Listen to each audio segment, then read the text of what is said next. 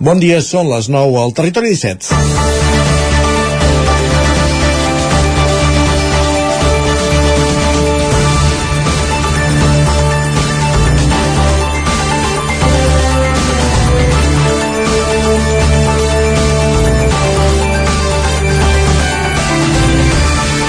I Messi no tornarà al Barça. Fitxa per l'Inter de Miami de David Beckham, sí, aquell equip on el ripollès Albert Rodem va fer de segon entrenador.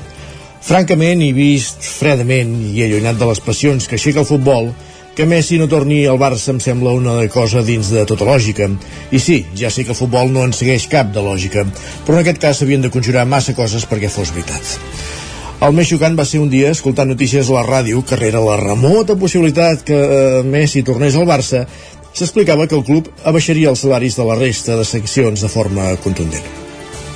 Sí, ja sabem que són partides pressupostaris diferents, però també sabem que al vestidor del primer equip del Barça hi ha xifres de salaris desorbitades, ja no per complir el fair play financer que demana la Lliga, sinó per quadrar qualsevol compte de resultats.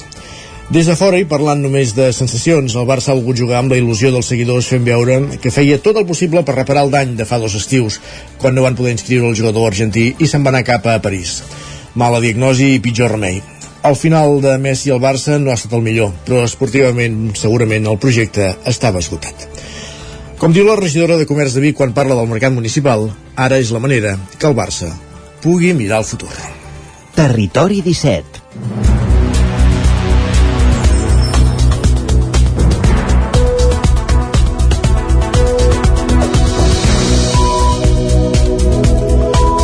És dijous 8 de, ma de juny de 2023, el moment de començar el Territori 17 a la sintonia de la veu de Sant Joan, Ràdio Cardedeu, Ona Codinenca, Ràdio Vic, el 9FM, i ens podeu veure, ja ho sabeu, també a través de Twitch, YouTube, el 9TV i la xarxa més. El Territori 17, el magazín de les comarques del Vallès Oriental, l'Osona, el Ripollès, el Moianès i el Lluçanès, que us fa companyia cada matí, entre les 9 i les 11, durant dues hores. De quina manera, amb quins continguts?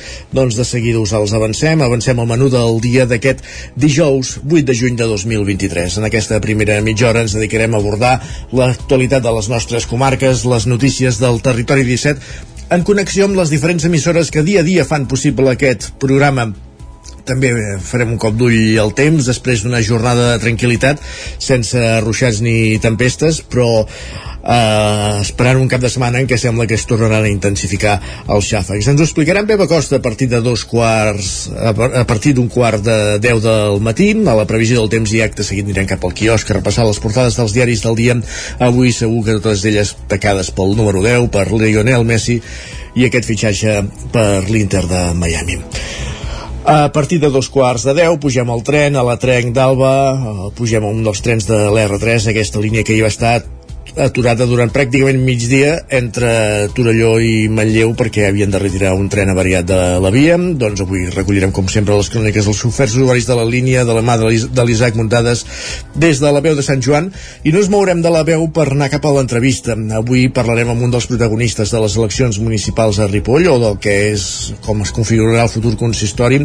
Parlarem amb Dani Vilaseca, el portaveu de l'alternativa per Ripoll CUP, que va ser el cap de llista d'aquesta candidatura i que divent, dissabte es reunien en assemblea i decidien eh, i, promoure, impulsar, liderar una, un pacte alternatiu per evitar que la xenòfoba Sílvia Oriols, l'ultradretana Sílvia Oriols, sigui la propera alcaldessa de Ripoll. A tot plegat en parlarem, com dèiem, amb Dani Vilaseca, en companyia d'Isaac Muntades, a partir de dos quarts del matí. Acte seguit anirem a la plaça amb la Maria López, des de Ràdio Televisió Cardedeu i 11.cat i avui parlant de cotxes elèctrics. A partir de les 10 notícies, la previsió del temps i a la Foc Lent, des, avui des d'Ona Codinenca, en Roger Rams se'n va ni més ni menys que a les voltes de Sant Sebastià de Mollà, el restaurant que té eh, on els fogons hi ha en Jan Fargas doncs, per conèixer la seva proposta per parlar amb Jan Fargas de la proposta de, de les voltes de Sant Sebastià inclosa la guia Michelin eh, nom estrella eh? eh amb, amb recomanació de la guia Michelin. A partir de dos quarts d'onze ens endinsem al món de Twitter amb en Guillem Sánchez i, com cada dijous, moment per la ficció, primer anant al cinema, repassant la cartellera, les estrenes de la setmana a les sales de casa nostra en companyia d'en Gerard Fosses i en Joan Garcia de la veu de Sant Joan i acabarem el programa fent algunes recomanacions de sèries. I ara, quan passen 5 minuts de les 9 del matí, és moment de posar-nos en marxa, de posar-nos en dansa amb les notícies més destacades de les nostres comarques, les notícies del Vallès Oriental, l'Osona, el Ripollès, el Moianès i el Lluçanès, les notícies del Territori 17.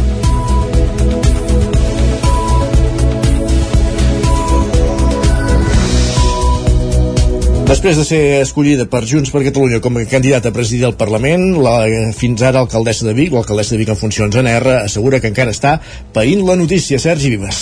Anna R explica que la confiança de la directiva del partit, encapçalat per Laura Borràs i Jordi Turull, ha estat la clau per entomar el nou càrrec. Uh, evidentment et sents bueno, doncs, gratificada que t'hagi fet la confiança en tu, que t'hagin proposat, s'ha d'acabar de veure no, les votacions de divendres, però també és molt respecte eh? i diguem-ne que el salt per mi doncs, el trobo doncs, un gran salt per altra banda, R explica que els principals reptes seran mantenir actiu el mandat de l'1 d'octubre i posar en valor les institucions catalanes. Sobretot jo crec que s'ha de donar molta importància a la institució, que és una institució de país i, i potser ha estat doncs, maltractada, sobretot jurídicament, no, judicialment. Llavors, doncs, diguem-ne, agafar aquesta força com a institució i, evidentment, eh, està a punt perquè si eh, veritablement els grups parlamentaris, no, els que ens sembla que som els únics doncs, que podem avançar cap al que seria doncs, repetir qualsevol moment històric com a país, evidentment doncs, posar-me doncs, a tota la predisposició per si cal, eh, evidentment hi serem. Vic sempre hi hem set, vol dir que no m'arrogarà això.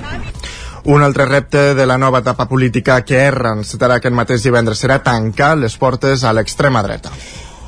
L'elecció d'Anna R com a presidenta del Parlament, que ha de tirar endavant amb els vots favorables de Junts i Esquerra i el vot en blanc de la CUP, es llegeix en clau positiva des de diferents grups des dels diferents grups parlamentaris per acabar amb l'interinatge a la presidència de la cambra, des que Laura Borràs va ser suspesa. Els diputats del PSC, Ramon Espadaler i Marta Moret, han volgut posar de rellevància la seva experiència a l'alcaldia de Vic. També li demanen que pensi en la diversitat de la Càmera tenir un, un, bon suport de les bases del partit en un tràmit congressual i per tant això ens mereix evidentment respecte i la seva trajectòria a l'alcaldia de Vic doncs una solidesa institucional tant en aquest sentit desitjar-li això sort i encerts i demanar-li alhora doncs, que, que pensi en la diversitat de la cambra. I espero que ho facin molt bé per, per poder eh, posar el Parlament on toca, no?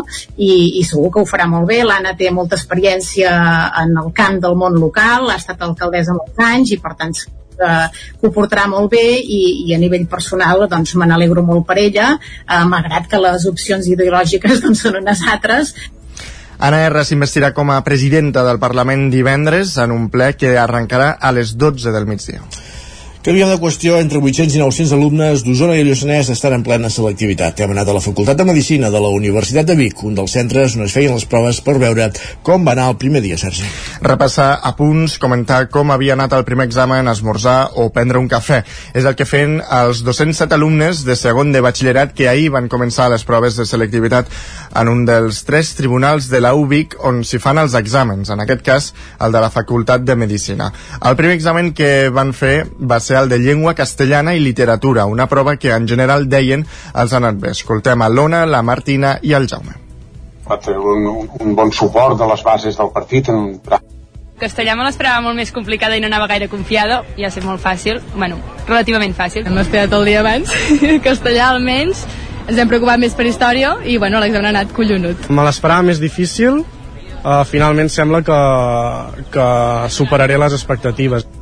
Després de la pausa, els joves, en aquest cas de l'Escorial de Vic i dels instituts de Prats, Centelles i el del Voltreganès, entraven a fer la prova d'anglès, una altra de les que sumaran la nota per poder accedir als estudis universitaris que volen cursar a partir del curs que ve. N'hi ha que ho tenen clar, com la Bel o el Ferran, i, i d'altres, com la Txell, encara no saben què faran. Bé, a mi m'agradaria estudiar comunicació audiovisual, necessito un 11 amb alguna A mi m'agradaria estudiar fisioteràpia a una universitat que es diu Ximbernat, que és a Sant Cugat, i em demanen un, a partir d'uns 6 i mig, bueno, pot variar una mica la nota. L'any que ve encara no tinc clar què vull estudiar, però són notes molt baixes i segurament aniré a la UB, per tant estic bastant tranquil·la. Fins aquest divendres, entre 800 i 900 alumnes d'Osona i Lluçanès portaran a terme la selectivitat als tres tribunals ubicats a les instal·lacions de la Universitat de Vic. També s'ha de dir que en aquesta hora, si no hi ha hagut contratemps, els alumnes estan fent la prova d'història. Detingut per tràfic de drogues a El Ejido, Almeria, un pres fugat de quatre camins a la Roca del Vallès. L'home de 26 anys i veí d'aquest poble d'Almeria acumula nombrosos antecedents policials. Pol Grau, Ràdio Televisió Cardedeu. La Policia Nacional ha detingut al Geido Almeria, un reclus de la presó de quatre camins que va fugir del centre penitenciari fa tres mesos. Els agents encarregats de patrullar pel barri de Pampanico d'aquest municipi van detectar fa setmanes la presència d'un nou traficant a la zona i van intentar detenir-lo diverses ocasions durant el mes de maig. L'home, però, semblava ser un gran coneixedor del barri i sempre aconseguia fugir. La unitat de prevenció i reacció de la Policia Nacional, al Gido, va dissenyar aleshores un dispositiu per tallar totes les vies d'escapament del fugat i va estranyar el setge a la seva zona d'influència en el seu àrea habitual d'activitat. Quan el van trobar, van aconseguir que l'home s'entregués sense resistència. En el moment de la detenció, l'home portava sobre 450 euros en efectiu i dosis de tota mena de droga. Un cop identificat el traficant de 26 anys i veí del Gido, els agents van descobrir que es tractava d'un reclus fugat de la presó de Quatre Camins, amb nombrosos antecedents policials per delictes contra la seguretat del trànsit, atemptat contra la gent d'autoritat, amenaces, maltractaments i robatori amb violència. A més, li constaven tres reclamacions judicials d'ingrés a la presó en vigor per part dels jutjats penals de Barcelona 12, 15 i 21. El detingut va ser posat a disposició del jutjat d'instrucció número 1 de El Gido. Més qüestions. El projecte d'habitatge jove de Caldes de Montbui rep un reconeixement per com s'ha dut a terme el seu procés participatiu. Roger Rams, zona Codinenca. El procés participatiu del projecte d'habitatge jove protegit de Caldes de Montbui ha estat reconegut com a exemple de bones pràctiques de participació ciutadana. Aquesta distinció l'atorguen conjuntament la Fundació Carles Pi Sunyer d'Estudis Autonòmics i Locals la i la Federació tingut i la Federació de Municipis de Catalunya. En aquest cas es posa de valor el fet que Caldes de Montbui ha estat un municipi pioner en la posada en pràctica d'un procés participatiu d'aquestes característiques que en bona part es va fer en plena pandèmia i per tant de manera telemàtica. Es destaca també que s'ha incorporat el coneixement i l'opinió tant dels usuaris finals, els joves, com també de la resta de la ciutadania. Jordi Martínez, el regidor d'Urbanisme en funcions de Caldes es van implicar bastants joves del poble, que eren el públic objectiu d'aquesta aquest, eh, operació, d'aquest impuls municipal, de fer aquests habitatges per joves. Evidentment van venir joves, però com que l'elecció del, del solar on es feia aquest edifici va tenir una mica de rebombori amb alguns veïns que no ho veien, no ho veien clar, la, la ubicació, també van venir en el procés participatiu. Per tant, d'alguna manera, allà es van poder debatre diferents temes, des de la ubicació fins a temes més concrets de l'edifici. Per exemple, el nombre d'habitatges. Pel que fa com avança el procés de demanda d'aquests vuit habitatges, Martín destaca que fins al mes de juliol els joves empadronats a Caldes poden sol·licitar accés a aquests pisos mitjançant una sol·licitud d'habitatge de protecció oficial. A banda dels joves amb menys ingressos, un dels aspectes que es tindrà en compte per donar o no accés a aquests immobles serà que l'ocupin dues persones i no una de sola, tot i que també es poden presentar sol·licituds individuals. El tall que es farà el, en, el, en el registre d'HPO, evidentment és un tall en funció dels, del, dels ingressos que tu tinguis, i el, el més habitual o el, o el, que, o el que permetrà eh, poder-hi accedir és fàcilment que sigui una parella millor que no pas un, un, una persona sola, però que una persona sola també pot optar, absolutament. No hi, ha, no, hi ha, no hi ha aquesta limitació. El que passa que és més normal que el que acabi sent siguin parelles, perquè puguin juntar els sous d'alguna manera i per tant eh, poder-hi accedir. Tal i com ja es va anunciar el passat mes d'abril, quan es van presentar aquests habitatges per a joves, el preu del lloguer mensual serà de 320 euros. Tal i com ha explicat el regidor d'habitatge, aquest preu inclou tant els subministraments d'aigua i llum com l'accés a internet i les taxes municipals, a més de disposar serveis comunitaris com rentadora i traster, i s'espera que a finals d'aquest any hi comencin a viure els primers joves. Gràcies, Roger. Roger, anem, deixem enrere el Vallès Oriental, anem cap al Ripollès, perquè el festival Ripollès 5 Sentits acabarà a Can de Bànol, Ripoll i Ribes de Freser. Isaac Muntades des de la veu de Sant Joan. Entre finals de juny i principis de juliol se celebrarà la quarta edició del Ripollès 5 Sentits, una activitat impulsada pel Consell Comarcal del Ripollès i amb el suport econòmic de la Diputació de Girona que es va iniciar l'any 2020. El president de l'ENS supramunicipal, Joaquim Colomer, explicava en què consisteix i per què va néixer en plena pandèmia. Es tracta d'un conjunt d'esdeveniments que combina la divulgació del patrimoni, la difusió del talent musical amb empremta ripollesa i la producció agroalimentària. També val a dir que el Ripollès 5 Sentits va néixer en plena pandèmia i per tant remant contra corrent. Aquest festival es va crear en els moments de situació Covid que la cultura de la comarca se li anul·laven, se li tancaven les portes. El Ripollès 5 Sentits ha passat per tots els pobles de la comarca amb l'única excepció de Llanàs i enguany farà parada a Camp de Bànol, Ripoll i Ribes de Freser amb activitats que volen estimular tots els sentits. En cada cita estimularem la vista, el tacte, amb una activitat de descoberta del municipi, afinarem l'oïda i ens posarem la pell de gallina amb actuacions musicals en torn d'interès històric i cultural i per acabar ens deixarem guiar pel gust i l'olfacte amb la degustació de producte del Ripollès. Tot plegat, doncs, com cada any, un producte 100% gratuït. La primera parada del certamen serà el pròxim 25 de juny a l'església de Sant Llorenç de Can de Bànol. En primer lloc, a les 5 de la tarda hi haurà una caminada per la història i les tradicions en què Miquel Sitjà farà una visita guiada per l'espai a dos quarts de set de la tarda concert amb The Murphys, un grup de jazz funk amb temes d'artistes com Diana Kroll, Marvin Gaye i Frank Sinatra. L'1 de juliol i en els mateixos horaris serà el torn de Ripoll i es farà al monestir de Santa Maria, en què es parlarà de gastronomia antiga i supervivència en temps de guerra, amb una visita al refugi antiaeri i amb l'acompanyament del Museu Etnogràfic. A continuació tocaran Jordi Soler i la seva banda Pop Rock. Finalment, el 8 de juliol serà el torn de l'església de Sant Cristòfol de Ventolà, a Ribes de Freser. Hi haurà una visita al poble amb Miquel Sitjà i un concert d'Oriol Amaro amb bandes sonores de grans produccions cinematogràfiques portades al piano. Les activitats són gratuïtes però cal inscriure-s'hi prèviament. En finalitzar les actuacions hi haurà una degustació amb productes del Ripollès amb la tartana de l'associació líder Ripollès és Bisaura. Colomer també va dir que han deixat la traça, les eines i la metodologia perquè el pròxim govern continuï fent el festival. Gràcies, Isaac. I un últim punt esportiu per explicar que Blanca Engrill és el primer fitxatge del Martinelli a Manlleu femení per la temporada vinent, Sergi. El club la presentava aquest dimarts. La jove jugadora de 19 anys arriba al Manlleu després d'haver debutat a la màxima categoria de l'hoquei al club del seu municipi, el Vilanova, i d'haver jugat una temporada a l'Igualada. Escoltem-la. És una bona decisió per, per mi en quant a una jugadora eh, per entrar en un club de gran nivell que, que competeix per moltes coses, ja sigui la Lliga, ja sigui Europa, eh, per, per bueno, el que he dit, moltes coses, amb molta il·lusió, moltes ganes de, de començar l'etapa i crec que puc tenir unes companyes que em poden ajudar molt a, a, a millorar en quant a personalment i, i en quant a l'equip. L'equip osonenc la veu com una aposta de present, però sobretot de futur, en un moment en què l'equip encara un canvi d'etapa. Hi ha les baixes ja confirmades d'Anna Bulló, Júlia Canal i Elisabet Gurri, en aquest últim cas perquè penja els patins, i el grup afrontarà un procés de renovació amb diverses incorporacions. En parla l'entrenador de l'equip, Jordi Boada. Ja fa temps que la seguim, sobretot per la, la velocitat de patir, l'1 contra 1 que té, la bona qualitat de passe. L'any que ve crec que en comencem una de nova, haurem de començar doncs, de zero, perquè tindrem diverses incorporacions, també tenim baixes, haurem de fer un treball doncs, una mica de base en la temporada que acaba marcada per la lesió de llarga durada d'Anna Ramona i també per la de Nara López, el Manlleu ha finalitzat la Lliga en quarta posició. Va caure als quarts de la final de la Copa de la Reina, competició que havia guanyat les dues temporades anteriors, i va arribar a les semifinals del playoff pel títol, l'eliminatòria que va perdre contra el Palau. Doncs ens eh, apuntem aquest nom, Blanca Engrill, nova jugadora del club patinatge, del club Patí Manlleu, del Martinelli Club Patí Manlleu, eh, segurament ens sentirem a parlar, una jugadora encara molt jove. Gràcies, Sergi. Acabem aquí aquest repàs informatiu que començàvem al punt de les 9 en companyia de Sergi Vives, Isaac Muntades, Pol Grau i Roger Rams. I dels esports, cap al temps.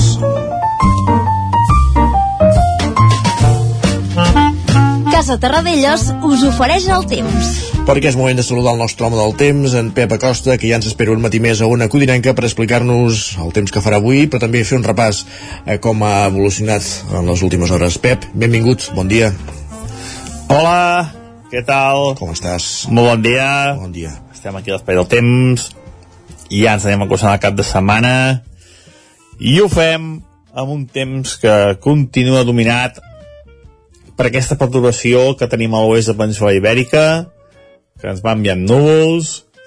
Tot i això, la pluja més destacada es situa cap a l'oest d'aquesta península ibèrica, Ara ja sí que hi ha puges més continuades, més intenses, més extenses, i nosaltres quedem una mica al marge de tota aquesta inestabilitat i de tot aquest episodi de pluja.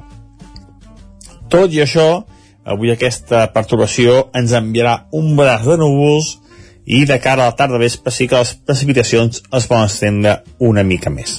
Però bueno, anem a pams, anem a pams. Uh, per què hi ha aquesta perturbació a l'oest de Península Ibèrica? Doncs perquè continuem amb aquest, uh, amb aquest bloqueig anticiclònic que hi ha al nord d'Europa. Hi ha anticiclons molt, molt grans, enormes a, al nord d'Europa, i fa que les perturbacions eh, tinguin d'anar a latituds eh, més, eh, de, de més cap al sud, i per això hi ha més inestabilitat cap a tot el, el sud d'Europa i no en el nord d'Europa, que continua, com deia, aquest bloqueig anticiclònic. Uh, les temperatures uh, força suaus aquesta nit, uh, ja es nota eh, que estem en ambients uh, pestiuencs, no ha baixat gaire les temperatures, a més majoria mínimes entre els 10 i els 15 graus. Uh, ja tenim forces núvols prims, hi ha forces núvols, i de cara a la tarda, com deia, aquests núvols aniran a més, aniran a més, i no es descarta, no es descarta a última del dia alguna petita gota a les comarques. Poques precipitacions, eh, poca puja, però sí que alguna gota es pot deixar escapar. Temperatures màximes setmana les d'ahir, moltes, entre els 25 i els 30 graus de màximes temperatures, i eh, vents del sud, una mica destacables en algunes zones, sobretot les zones de muntanya, però que seran bastant febles, eh? només algun cop moderat, com deia, a zones de muntanya. Els pròxims dies, la inestabilitat sembla que tornarà, eh? atenció, perquè les tempestes de tarda poden anar més, però ja farem demà un, una, una situació més, eh, més acurada i més actualitzada les tempestes que tindrem al cap de setmana que poden ser bastant, bastant intenses en alguna zona.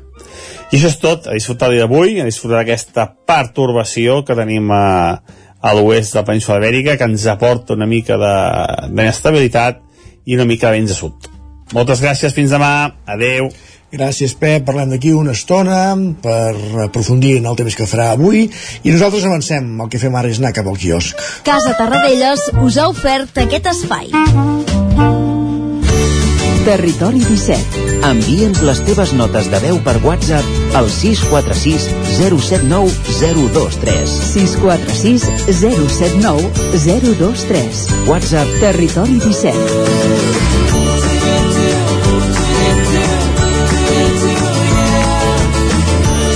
Territori 17. Som a Facebook, Twitter i Instagram amb l'usuari Territori 17. 8 minuts i seran dos quarts de 10 del matí.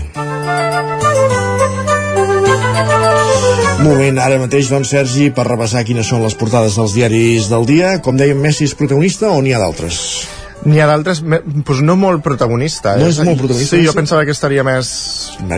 Sobretot també a les portades de Madrid, eh? Ah, entesos. a les esportives segur, perquè tant Mundo com Sí. Esport li fan una entrevista. Sí, això sí. Conjunta. Què més? Va. Um, va, doncs comencem el punt avui, encapçar la portada amb el titular Pugna per la cambra. Expliquen que Eines de País tornarà a ser la candidatura independentista en les eleccions de setembre. Paral·lelament expliquen uh, que les patronals uh, Foment i Pimec mouen fitxa per plantar-hi cara. Per cert, amb diversos representants del territori 17, tant d'Osona com del Vallès Oriental, a la candidatura d'eines de, de país, entre els quals actuals membres de la Cambra d'Osona, com l'alcalde de Balanyà, Carles Valls, o, o Guillem Soldevila. Més, més coses. Per altra banda, diuen que Pescadors, la gestora del port i l'Ajuntament de Masnou arriben a un acord per organitzar dos dies a la setmana una subhasta oberta a particul als particulars. Expliquen que s'utilitza la versió holandesa en què el venedor posa un preu màxim i va rebaixant esglaonadament.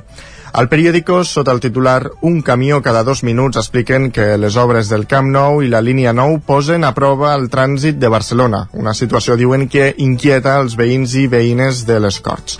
Per altra banda, diuen que Sánchez protegeix els, els seus a les llistes del 23 de juliol. Expliquen que el PSC aposta per Batet, Iceta i Raquel Sánchez per liderar la seva presència a Madrid.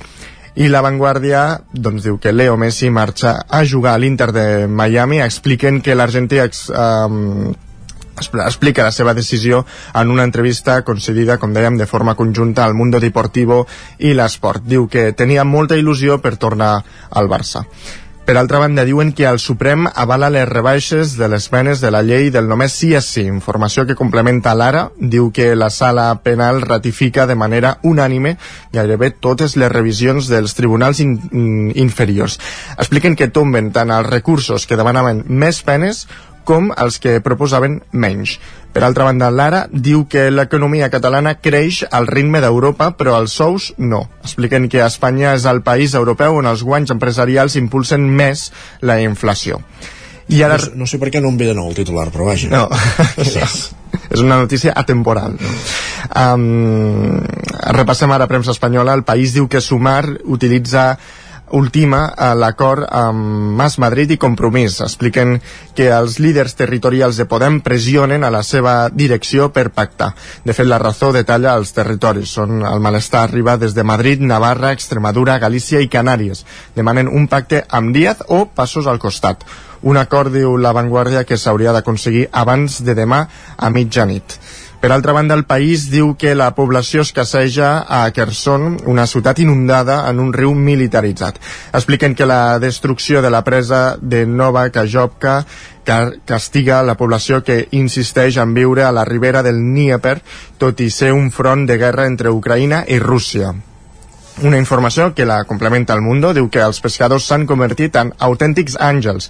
Expliquen que desenes de voluntaris amb barques de pesca evacuen els civils atrapats a la ciutat inundada. De fet, l'ABC també hi posa cullerada, diu que aquesta situació deixa sense subministrament a la població, agreuja la crisi humanitària i frena la contraofensiva. Per altra banda, l'ABC diu que la meitat del Consell Fiscal demana a García Ortiz que dimiteixi. Expliquen que l'associació majoritària acusa el fiscal general de mentir i utilitzar una bruta jugada per col·locar, ha dit a la seva amiga Dolors Delgado. I acabem amb el Mundo, una, amb una notícia que no surt a la portada, i no sé si l'han posat dins del, del diari, però sí que està a la web, i és que han dedicat un article a, a l'Anna R. Carai. Diuen Anna R, l'alcaldessa de Vic de les Creus Grogues i els megàfons independentistes escollida per Junts per presidir el Parlament.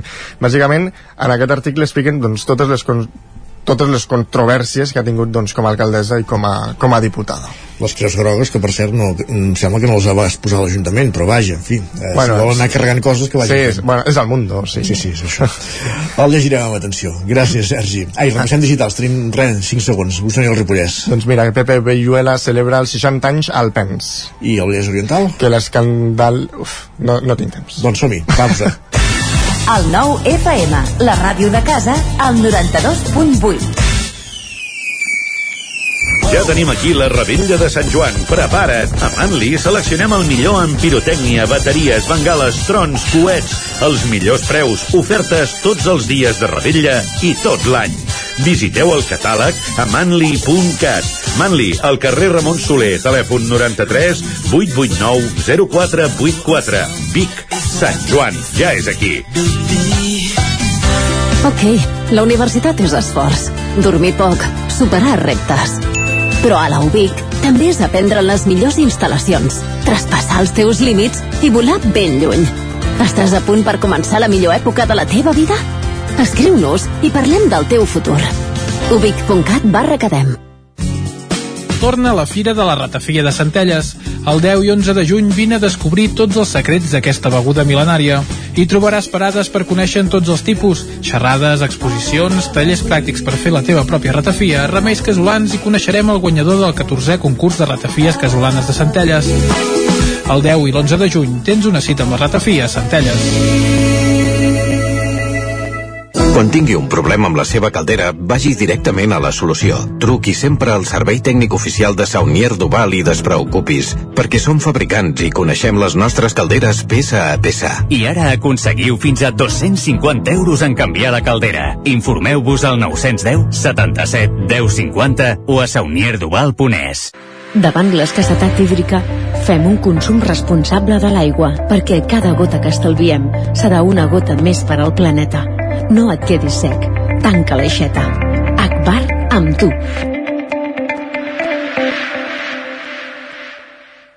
Ser a prop vol dir veure les coses més bé. Apropa't el que t'interessa amb la xarxa Més. La teva plataforma audiovisual de qualitat, proximitat i gratuïta. Gaudeix dels continguts de més de 30 televisions locals i podcast quan, com i on tu vulguis. Entra a la xarxa més.cat i descarrega't l'app. Cocodril Club. Si t'agrada la bona música dels anys 60, 70 i 80, escolta el 9 FM als matins de dissabtes i diumenges d'11 a 1. És el temps del Cocodril Club, tot un clàssic de la ràdio, amb les bases del pop-rock, les llegendes, les cançons que s'han convertit en autèntics himnes. Recorda, dissabtes i diumenges al matí, d'11 a 1, al 9 FM 92.8. Cocodril Club, el programa revival de l'Albert Malla. Hasta luego, cocodrilo. Anuncia't al 9FM. La màquina de casa. 9 3 8 8 9 4 9 4 9. Publicitat arroba al 9FM.cat. Anuncia't al 9FM. La publicitat més eficaç. Territori 17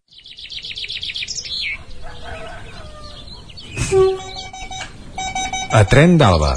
Cada dia els usuaris i usuàries de la línia R3 de Rodalies que veuen sortir el sol des d'un vagó ens expliquen les gràcies i les penes del primer comboi que uneix Ripoll i Barcelona o les feixugues jornades amb el tren després de treballar.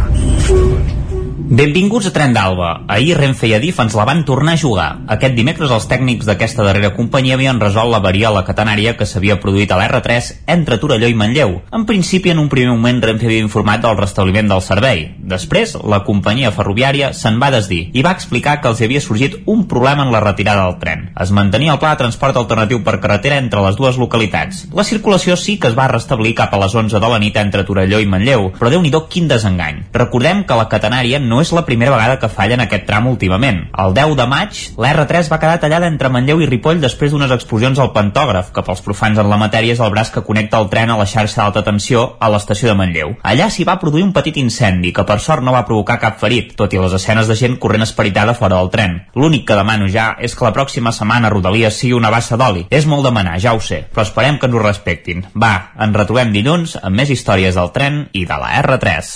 Déu t'escolti, Isaac. Territori 17, el 9 FM, la veu de Sant Joan, Ona Codinenca, Ràdio Cardedeu, Territori 17. Un minut i mig que passa de dos quarts de 10 del matí.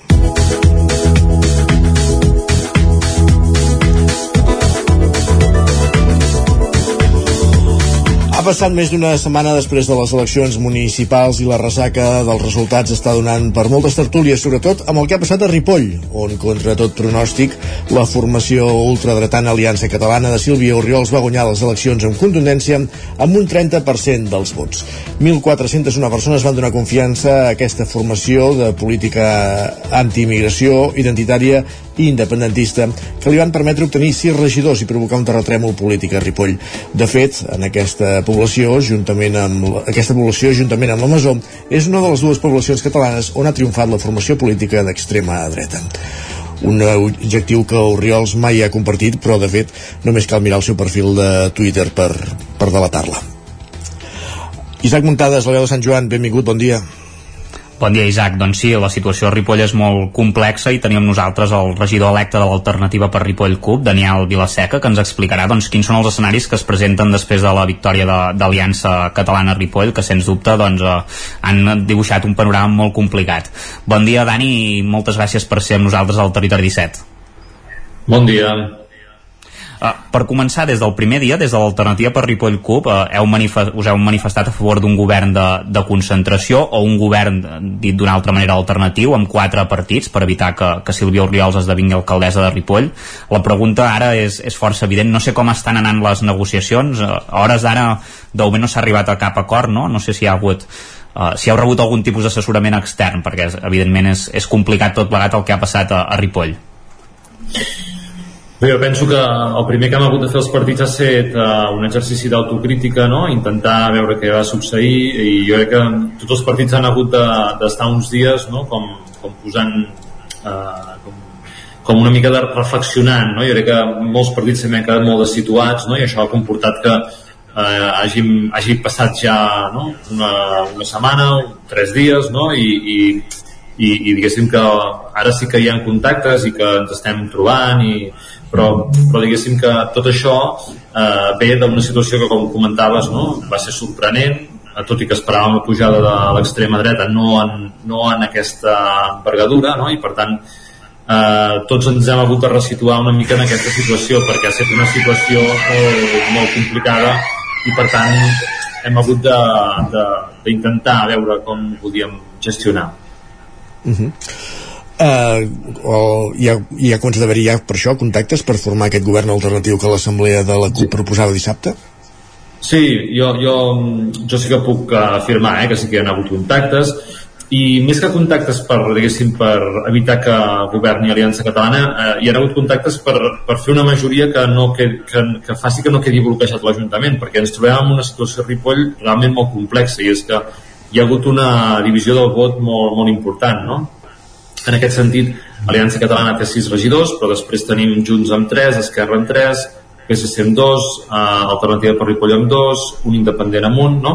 I llavors, clar, eh, està tan, tan, el vot tan, tan dividit que eh, impedeix no? que, que, que hi hagi una governabilitat clara si Aliança Catalana eh, vol governar amb els seus sis regidors que a més a més no està predisposat a parlar amb ningú més, per tant vol dir que si en el cas que no ens posessin d'acord i governés Silvio Oriols, això voldria dir que el govern de Ripoll quedaria eh, amb una minoria clara i això vol dir que hi hauria un bloqueig constant no? i que serien quatre anys de, de bloqueig i per tant jo crec que eh, abans eh, de, de tenir els valors democràtics i uns valors de drets humans que ens, que ens obliguen no? a, a plantejar una alternativa eh, és obvi que també ho fem perquè Ripoll no quedi encallat durant aquests 4 anys i sí que hi han hagut contactes i aquests contactes jo penso que no, en aquests dies estan una mica ja intentant-se accelerar no? perquè és evident que el temps també corre uh -huh. Uh -huh. Us va sorprendre la, la postura de Junts ja pràcticament l'endemà de les eleccions d'autodescartar-se d'aquest govern? Eh, no sé si hi heu parlat posteriorment, si creieu que s'ho replantejaran, hi haurà un govern de concentració? Sí, a veure, eh, crec que, clar, evidentment Junts ha estat el partit que ha quedat més tocat, no?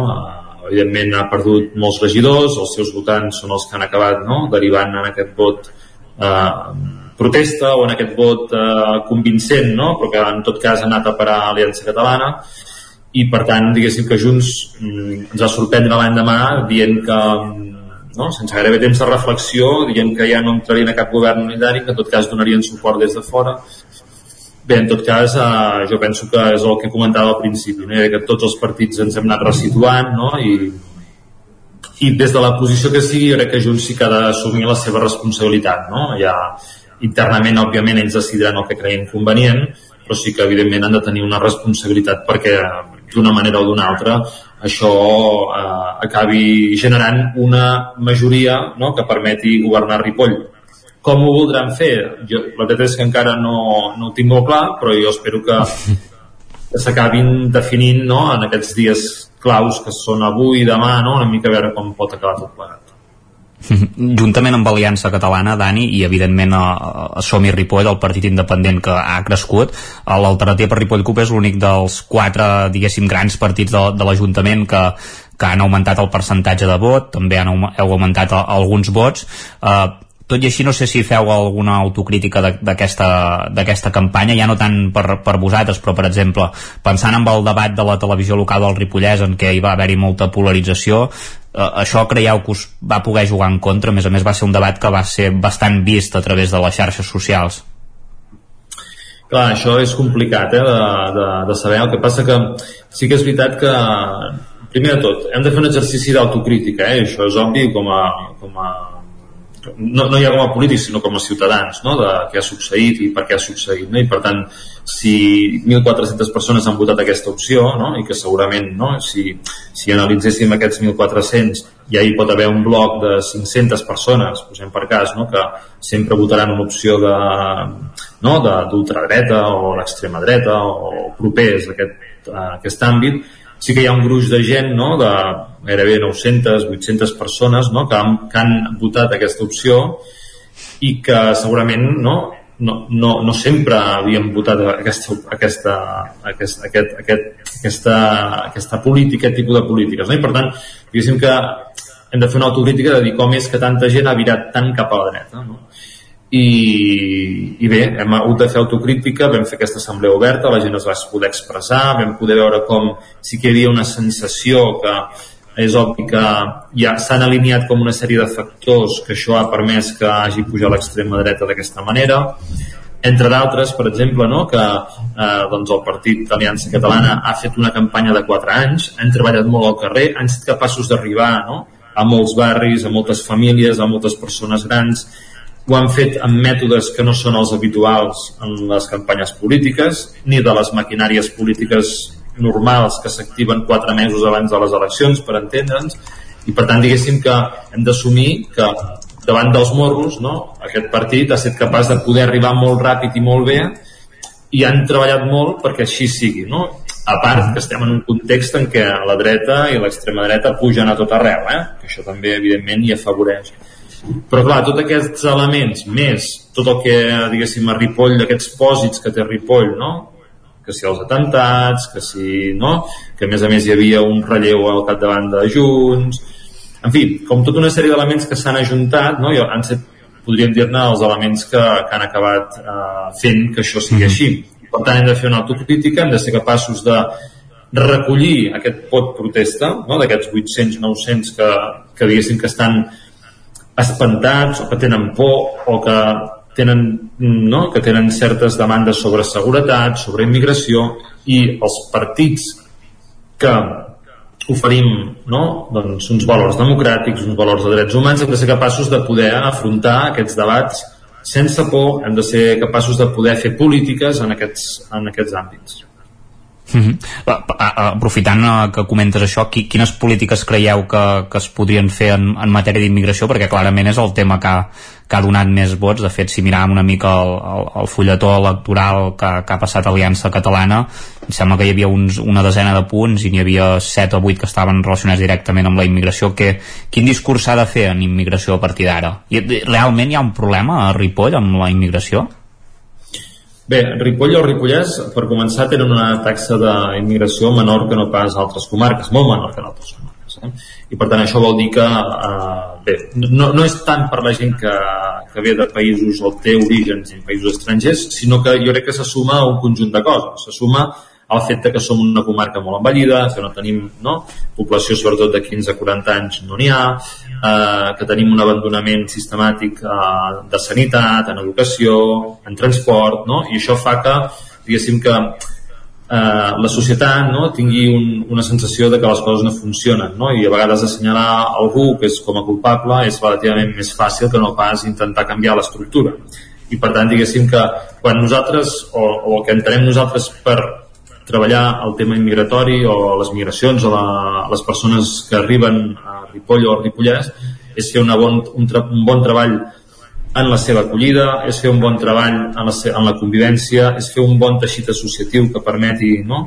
Uh, és fer que més gent jove vingui a viure a Ripoll o a Ripollès perquè en el fons no, quan estem ara per què està tensionada la societat a Ripoll? perquè la gent que, no, que tota la vida de Ripoll està veient com les estructures estan canviant no? i segurament això en altres regions, en altres ciutats, en altres comarques no és tan evident no és tan evident perquè la, la societat és més jove, més permeable, més associativa, més, no? té com més estructures per poder absorbir tots aquests canvis. I el Ripollès no, el Ripollès és un, no? com un monolit no? que va, de seguida que hi ha algun element diferent la gent eh, doncs, potser té més rebuig en això. No? I per tant, jo penso que si alguna cosa s'haurà de fer en aquest mandat és treballar específicament sobre això. Per exemple, nosaltres ja vam portar una moció a aquest mandat que era fer una xarxa antirumors que no es va portar a terme i per tant s'ha d'anar treballant, diguéssim, eh, aquests elements. Mm -hmm. Tornem una mica a l'escenari que parlàvem abans de, de converses amb la resta, entre els diferents grups eh, alternatius, diguéssim, a aquesta majoria simple d'Aliança Catalana. Qui ha de ser l'alcaldessa de Ripoll des del seu punt de vista? Enteneu que correspon a Xantal Pérez, que seria la candidata amb més regidors de les forces que ara mateix es postularien per això? Sí, jo, jo penso que la responsabilitat de, d'assumir, no? ja sigui una majoria nova o evidentment Junts ha quedat no? com els resultats, és obvi que no pot liderar no? en aquest moment eh, doncs el següent partit li correspondria a Esquerra Republicana, però també és cert que Esquerra Republicana o el PSC o nosaltres estem en una franja gairebé que ens separen 200 vots, vull dir que és una són, són, són resultats molt ajustats no? però sí que és cert que en aquest sentit no? Esquerra Republicana crec que sí que, que, que ha assumit més la responsabilitat no? veurem com acaba quadrant tot i com acaba encaixant però està bé que hagi pres la iniciativa no? jo crec que Esquerra Republicana en aquest sentit ha de prendre la iniciativa i crec que, que ho està assumint Mm -hmm. Pot ser una arma de doble tall, això, Dani, de, de fer un govern alternatiu o, o de concentració, eh? digue-li digue com, com vulguis, amb mirada llarga per d'aquí 4 anys, perquè, per exemple, s'ha vist en el cas de Badalona, no?, que en el seu moment s'han fet uh, governs uh, alternatius per, per frenar el PP de Xavier García Albiol. Pot ser que ens trobem un escenari d'aquí 4 anys que, que si no es fan les coses prou bé, doncs uh, Sílvia Oriols pugui obtenir la majoria absoluta. És un escenari que heu previst? S'ha valorat sí, sí. molt, no entenc?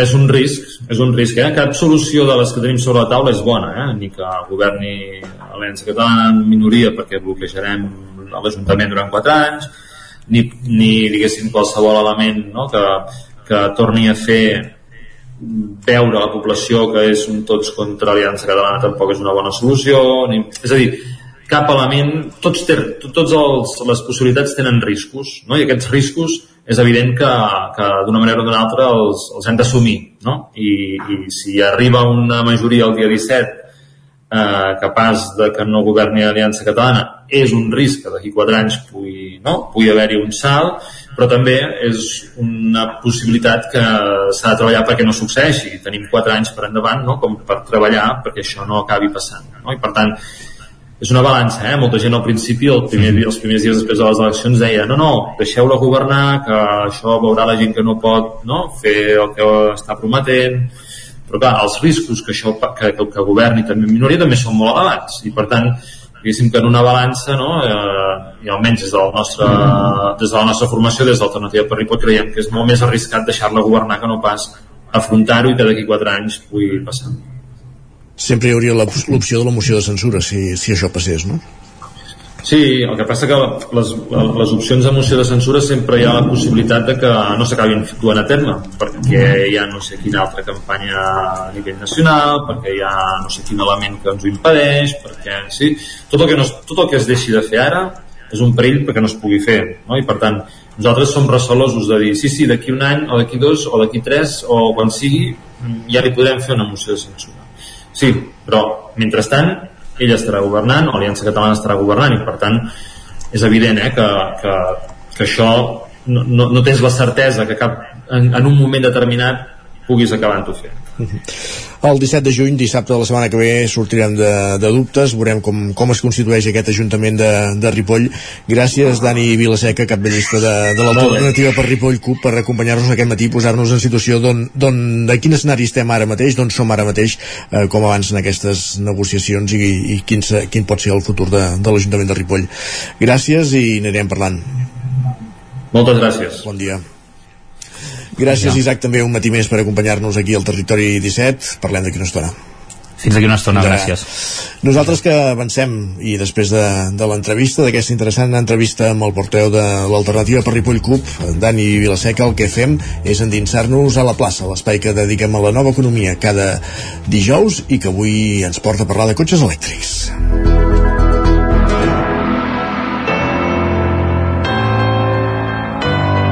Territori, Territori 17. 17.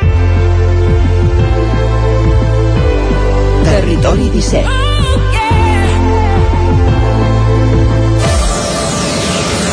12 minuts perquè siguin les 10 del matí. Moment, com dèiem, d'entrar a la plaça. Allà ens espera la Maria López en companyia de d'11.cat. Maria, benvinguda, bon dia, una setmana més. Bon dia i benvinguts una setmana més aquí a la plaça, aquesta secció de Territori 17 on parlem de nova economia i la traduïm a l'idioma de la plaça, el nostre, el que ens permet comunicar-nos i entendre'ns a totes i a tots. I avui volem parlar d'un dels grans avenços en matèria de sostenibilitat, però que evidentment i de manera directa també sacseja l'economia del nostre país, i és que el sector automobilístic és dels més importants. Mira, en el sector de l'automoció suposa el 16% del sector que més contamina el nostre planeta. Evolucionar cap a altres formes de mobilitat és obligatori per anar cap a una nova economia. Així que avui volem parlar de cotxes elèctrics i per fer-ho ens acompanyen una setmana més des d'Onze la nostra estimada Gemma Vallet, directora d'Onze District. Molt bon dia, Gemma. Molt bon dia, Maria. Seguim atacant el tema de la sostenibilitat eh, lligada sí, sí, sí. a l'economia. Saps que aquí tenim, un, una, bueno, tenim feina per fer i, i d'alguna manera van totalment vinculats.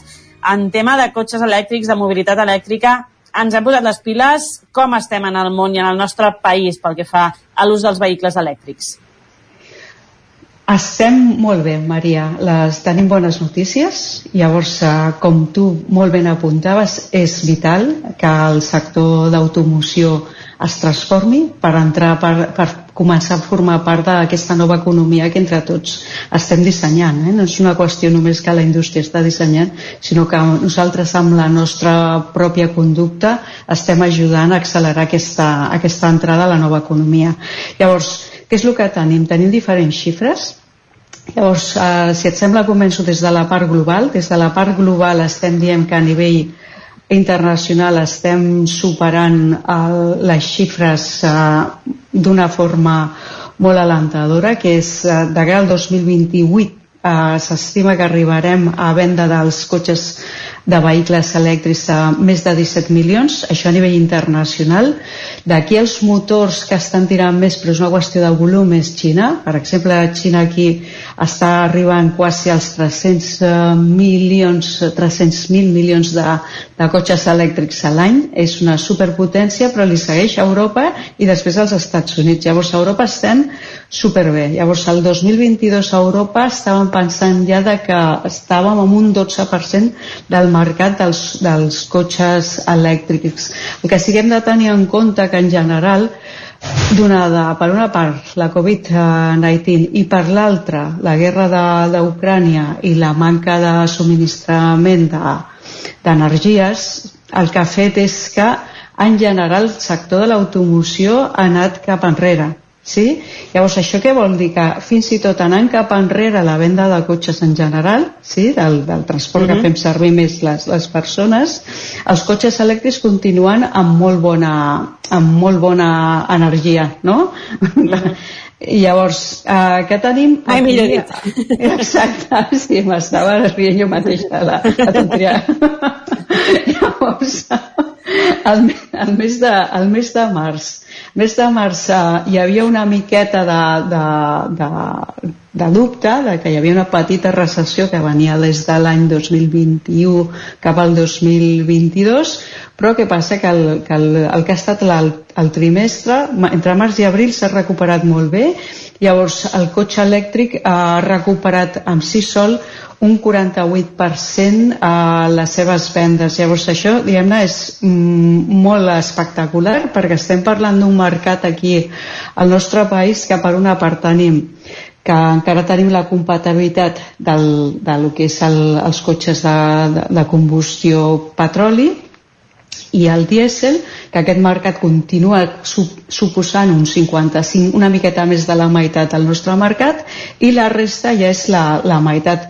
Però clar, és que hem de passar, pensar retrospectivament. Eh? Retrospectivament, doncs el cotxe elèctric fa només possiblement uns 5 anys suposava pues, un 10% de tot el mercat. Llavors, uh -huh. aquí hem, hem de dir que és superespectacular la, la, el creixement que ha tingut com a, com a opció de mobilitat. No? Llavors, què és el que hem de tenir en compte també amb, amb aquest ús del, dels, dels cotxes elèctrics?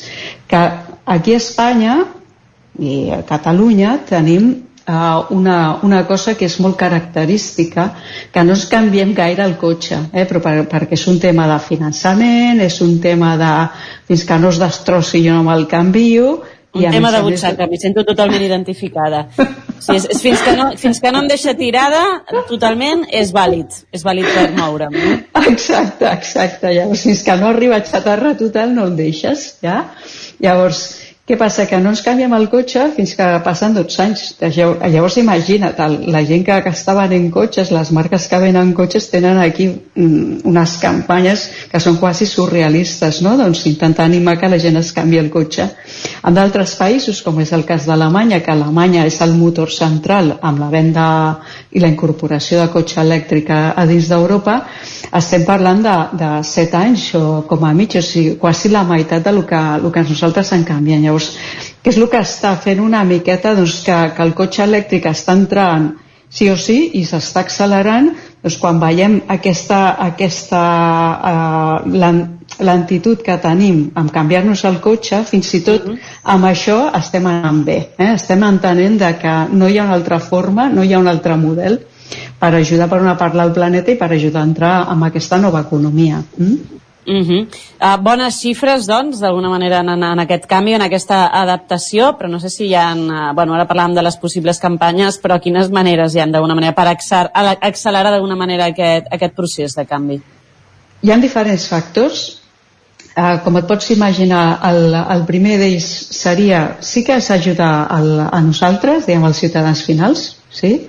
Llavors, uh, aportant diferents uh, ajuts, que t'ajuden campanyes, com saps hi ha el, el, el pla que es diu Pla MOV, uh mhm. -huh. estem amb la seva tercera edició, llavors des del 2021, des d'abril més o menys del 2021 fins al finals del 2023 estan oferint uh, ajuts a la, als ciutadans que es volen canviar el cotxe i llavors aquests ajuts estan força bé si els aconsegueixes. Eh? Llavors aquests ajuts poden anar des de 2.500 euros fins a 7.000 eh, euros amb unes condicions tal tipus, o sigui que el cotxe no superi doncs el, aproximadament els 50.000 euros, que sigui elèctric, i, sinó que sigui híbrid i també depèn del, del, de la seva autonomia. No? Llavors, això per una part, el ciutadà doncs, que, que visiti eh, o que s'informi molt bé quin pla el pot ajudar L'altra cosa que tenim, com et pots imaginar, és les infraestructures que tenim dins de les ciutats.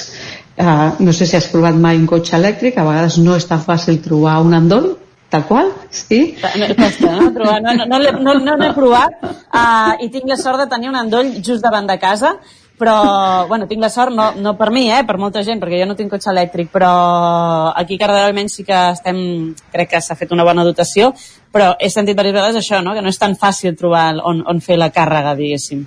Exacte, llavors la, per fer la, la càrrega, diguem les ciutats també s'han de, de posar, la paraula avui és les piles, i, i tornant a les piles és també per una altra part el propi cotxe, el propi cotxe elèctric està amb, amb un repte, un challenge a, a nivell la, les bateries, no?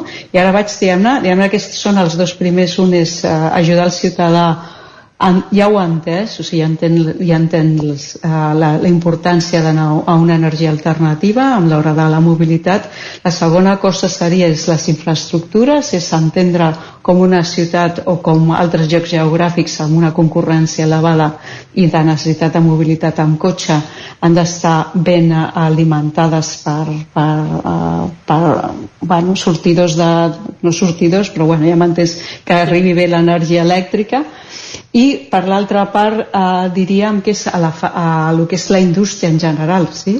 perquè la indústria en general clar, estan en una pressió de que tenen encara la xatarra, el ferro dels, dels cotxes amb, amb combustible de, de que ve del petroli, llavors aquestes uh, indústries s'han de transformar per anar a l'economia sostenible no?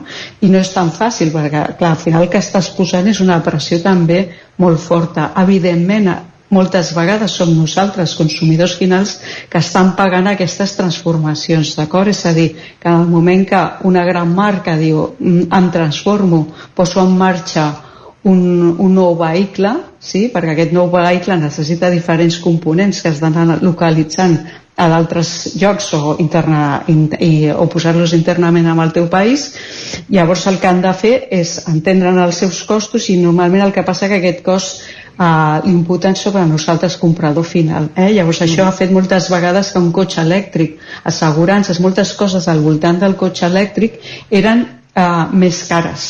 Sí? Llavors, per què? Perquè d'alguna forma la fàbrica necessitava imputar aquest cost sobre, sobre el, el, el producte per tal de ser sostenible. No? Llavors, per mm -hmm. això et dic que accelerar també passa d'entendre com, com es fa la fabricació del vehicle. No? Uh -huh.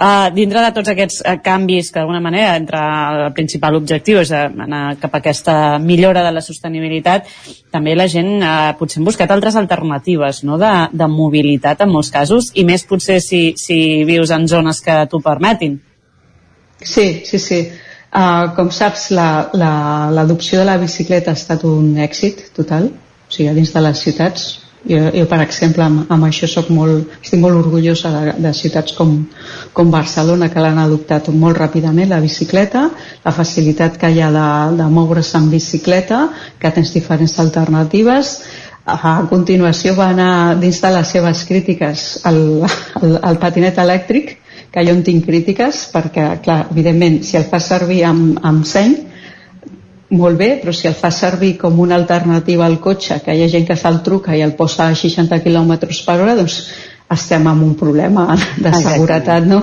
Sí. I l'altra cosa que està sortint, que em sembla molt, molt encantadora, és eh, saps com els telefèrics, sí? els telefèrics uh -huh. de, la, de les ciutats, doncs hi ha experiments a ciutats com a, com a San Francisco doncs, que estan pujant a, com uns telefèrics, com unes cabines amb les quals eh, pots entrar dins de la ciutat tant des de mercaderies com a persones, no? perquè aquí és una cosa que no hem tocat, que és què passa amb, el, amb el, com entra una mercaderia dins d'una ciutat, no? perquè en el moment que entres un cotxe elèctric també tenim una adopció molt ràpida del que són els camions, les furgonetes, que són ciutats que s'estan, eh, diguem-ne, arreglant per entrar altres tipus de, de vehicles, no? i després tenim eh, històries curioses que estan apareixent i que segurament veus algun meme a social media, a xarxes socials, que és que tu vagis sobre una mena de, de, de plataforma que et permet eh, moure't per, per sobre del, del terra no?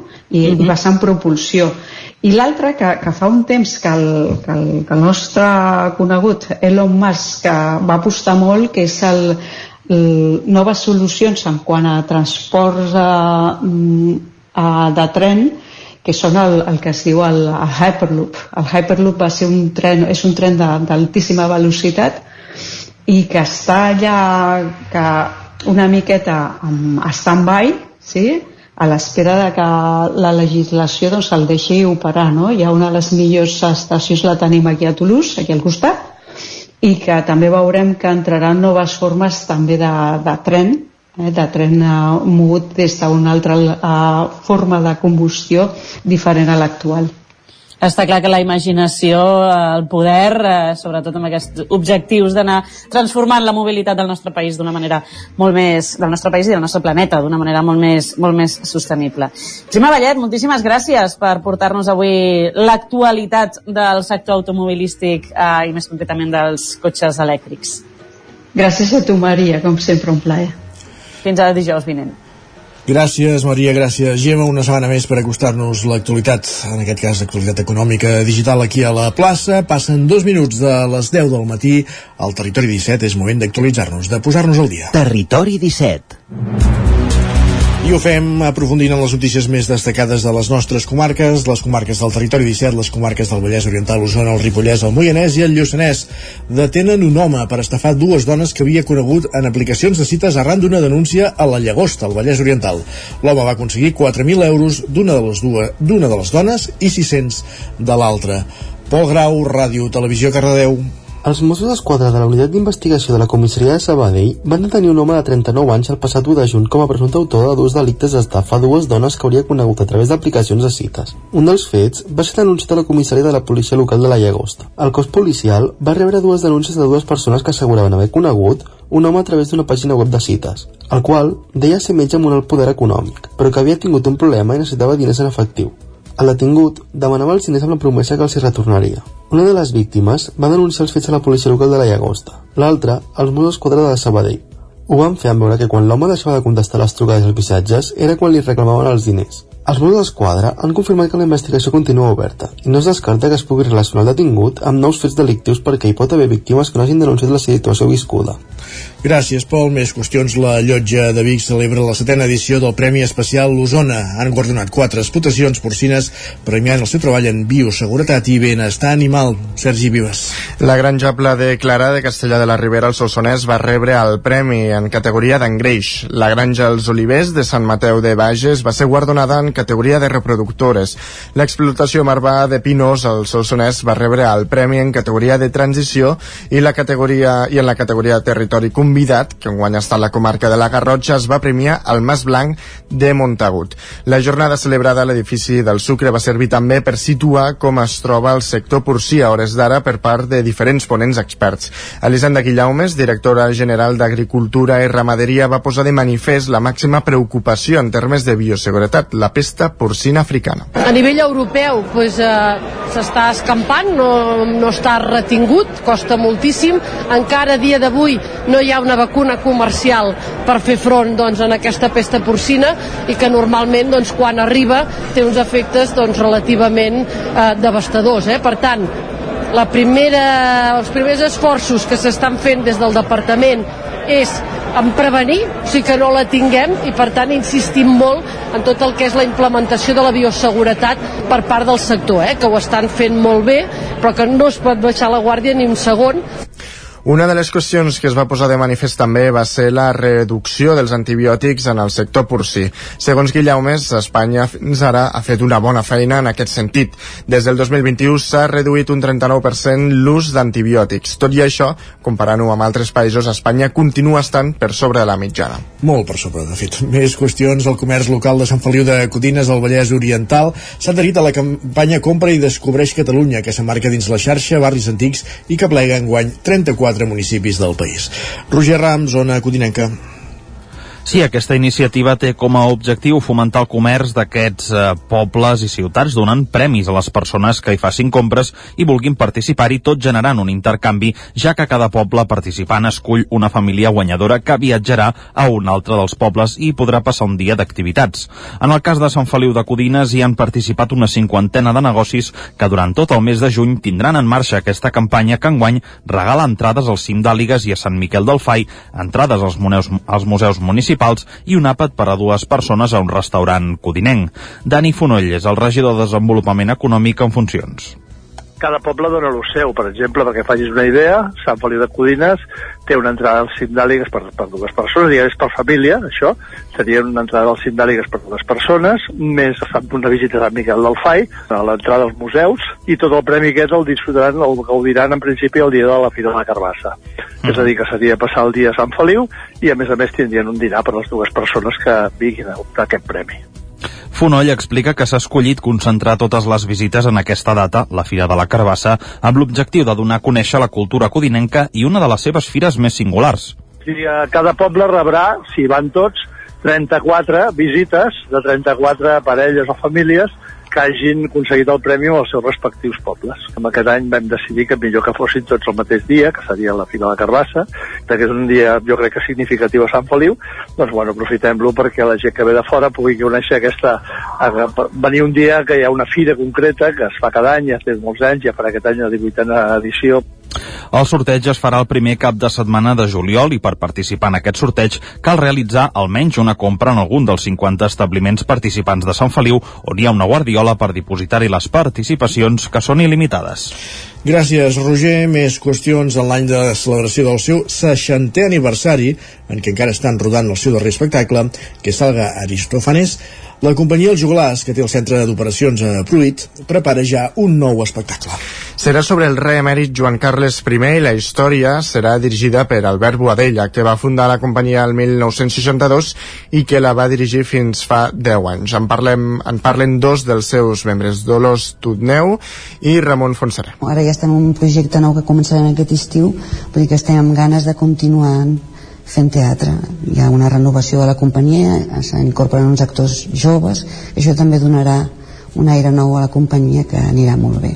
Bueno, doncs ara fer el pròxim i, i llavors doncs quan al cap d'un any d'haver estrenat com sempre, començant a trobar, bueno, què fem, què, quin tema toquem, què, què pot ser interessant. La seva darrera proposta, els joglars van decidir centrar-la en Aristòfanes, que defineixen com el gran inventor de la sàtira i amb qui se senten plenament identificats. Sentim a Fontaré i Pilar Saez. 60 anys fent constantment produccions teatrals sense parar, sortejant tots els signes dels temps i arribem a ja 61 anys amb, amb plena forma i amb energia hem arribat um, celebrant-ho sobre els escenaris, que és la, millor celebració que es pot fer, i en un recorregut no, dels 60 anys, tenint en compte que és la companyia més antiga d'Europa privada en activitat contínua, des de la companyia defineixen el proper espectacle com una obra shakespeariana en la qual Fonseré només serà d'actor. Uh, més endavant voldrien apostar per algun projecte audiovisual, un format que fa temps que la companyia fa, uh, fa temps que no toca. I el detall, eh? Uh, dirigida per Albert Boadella i dedicada al rei emèrit Joan Carles I. No, no s'havia fet mai encara. El SAT Teatre Centre acollirà la representació dels Castellblanc, una obra de la companyia I ara què de la Fundació, de la Fundació MAP. Isaac Muntades des de la veu de Sant Joan. Aquest pròxim dissabte, a dos quarts de vuit del vespre, la companyia I ara què de la Fundació MAP representarà l'obra als Castellblanc al Teatre Centre de Sant Joan de les Abadeses. El director de la companyia, Eudal Jordà, explicava que l'argument de la funció és d'intriga i misteri i està inspirada en els clàssics del gènere com Agatha Christie i el seu Hercule Poirot. Bàsicament, la trama parla d'un assassinat, però el públic hi té un paper més actiu i pot prendre partit en la representació, com comentava Jordà. Els de tria la teva aventura, que era una aquelles lectures en què tu podies escollir entre diferents opcions. Llavors, això que per, potser en un primer moment es va descartar en què l'obra estigués completament inspirada en això, però sí que vam guardar una cosa en aquest tipus de llibres, és que al final pogués ser escollit per al públic. La senyora que ha mort, l'assassí, qui pot ser? No tant qui és, sigui, no hi ha un assassí verídic, assassí, assassina verídic, sinó que entre uns, entre tres candidats, la gent pot escollir qui és, qui té, qui té prous motius. Els Castellblanc es va representar per primera vegada a les festes de Nadal de Ripoll del 2022 pel públic general i després per alumnes d'ESO, i ja han sortit dos dels tres possibles finals. A l'obra hi participen una dotzena de persones i es caracteritza perquè hi actuen persones amb discapacitat, però també hi apareixen actors i actrius més professionals que fan de suport i pràcticament no hi ha diferències amb una obra convencional. A més a més, el Sant Joaní Ricard Soler també hi participa fent de veu en off. Cal dir que les entrades es poden adquirir a Code Tickets per 8 euros i fins a una hora abans a la taquilla. L'espectacle és gratuït pels alumnes de l'Escola de Teatre del SAT Teatre Centre. Gràcies, Isaac. Acabem aquí aquest repàs informatiu que començàvem al punt de les 10 en companyia d'Isaac Muntada, Sergi Vives, Pol Grau i Roger Rams. És moment al territori 17. Ara, com falten 4 minuts per un quart de 10 del matí, de parlar del temps, de saludar el nostre home del temps, en Pep Acosta. El anem a buscar a una codinenca. Casa Terradellos us ofereix el temps. Com evolucionarà el cel en les properes hores, Pep? Bon dia de nou. Avui aquesta perturbació ens enviarà un braç de núvols i de cara a la tarda vespre sí que les precipitacions es poden estendre una mica més. Però bueno, anem a pams, anem a pams. Uh, per què hi ha aquesta perturbació a l'oest de Península Ibèrica? Doncs perquè continuem amb, aquesta, amb aquest bloqueig anticiclònic que hi ha al nord d'Europa. Hi ha anticiclons molt, molt grans, enormes a, al nord d'Europa i fa que les pertorbacions eh, tinguin d'anar a latituds eh, més, eh, de, de més cap al sud i per això hi ha més inestabilitat cap a tot el, el sud d'Europa i no en el nord d'Europa que continua, com deia, aquest bloqueig anticiclònic. Eh, les temperatures eh, força suaus aquesta nit, eh, ja es nota eh, que estem en ambients eh, prestiuencs, no ha baixat gaire les temperatures, la majoria mínimes entre els 10 i els 15 graus. Uh, ja tenim forces núvols prims, hi ha forces núvols, i de cara a la tarda, com deia, aquests núvols aniran a més, aniran a més, i no es descarta, no es descarta a última del dia alguna petita gota a les comarques. Poques precipitacions, uh, poca puja, però sí que alguna gota es pot deixar escapar. Temperatures màximes setmana les d'ahir, moltes, entre els 25 i els 30 graus de màximes temperatures i eh, vents del sud, una mica destacables en algunes zones, sobretot les zones de muntanya, però que seran bastant febles, eh? només algun cop moderat, com deia, zones de muntanya. Els pròxims dies, la inestabilitat sembla que tornarà, eh? atenció, perquè les tempestes de tarda poden anar més, però ja farem demà un, una, una situació més, eh, més acurada i més actualitzada de les tempestes que tindrem al cap de setmana que poden ser bastant, bastant intenses en alguna zona. I això és tot, a disfrutar dia d'avui, a disfrutar d'aquesta pertorbació que tenim a, a l'oest de la península ibèrica, que ens aporta una mica d'inestabilitat i una mica de vents de sud. Moltes gràcies, fins demà, adeu. Gràcies a tu, Pep. Parlem demà, bon dia. Casa Tarradellas us ha ofert aquest espai. I ara, després de repassar el temps, el que fem és anar cap a la cuina.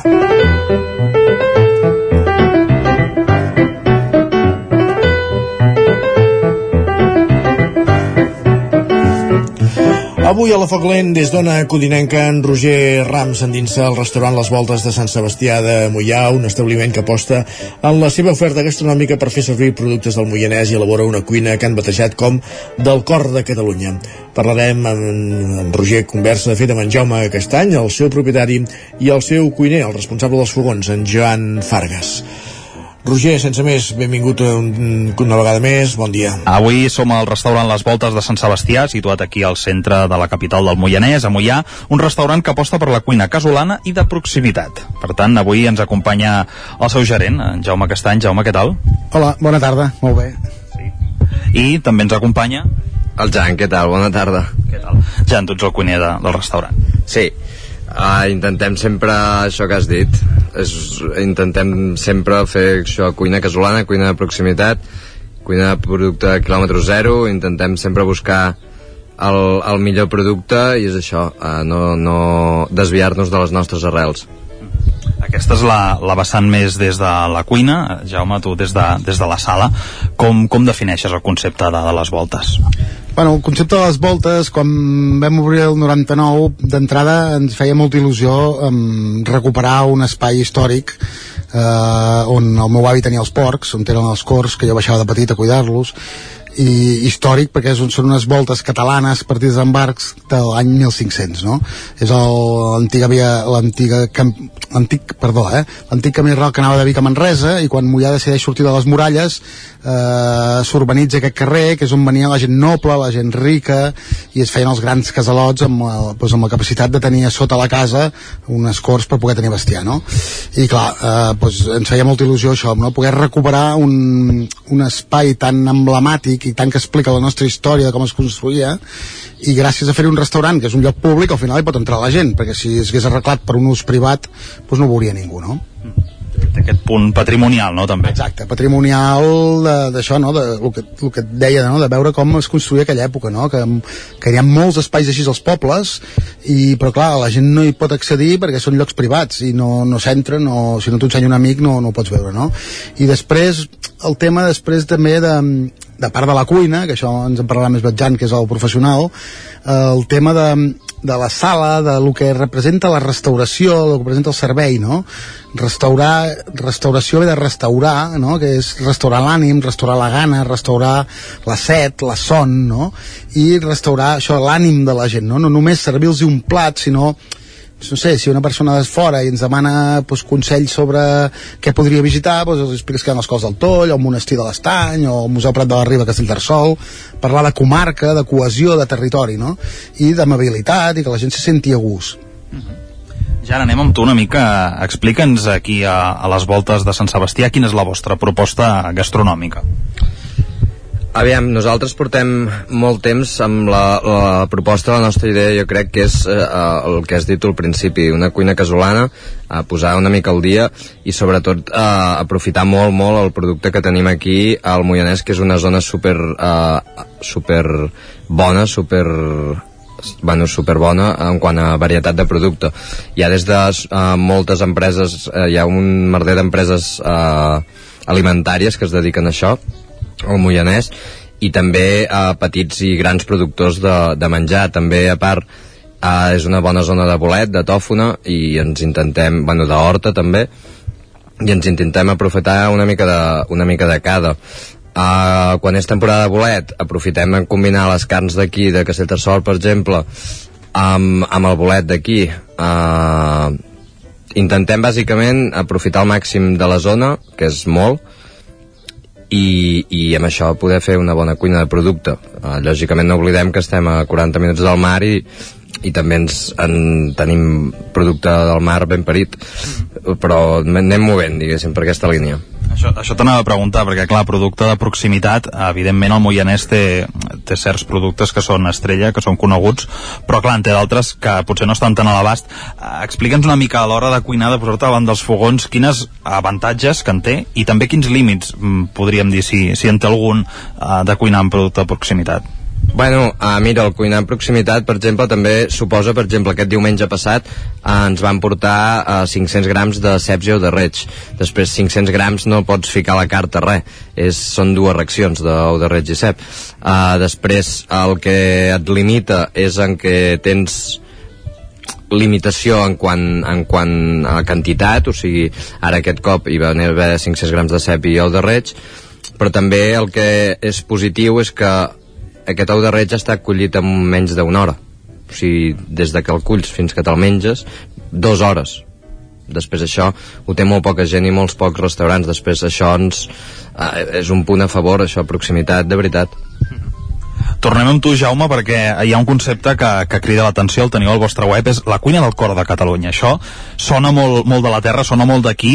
Explica'ns una mica què, en què consisteix tot plegat.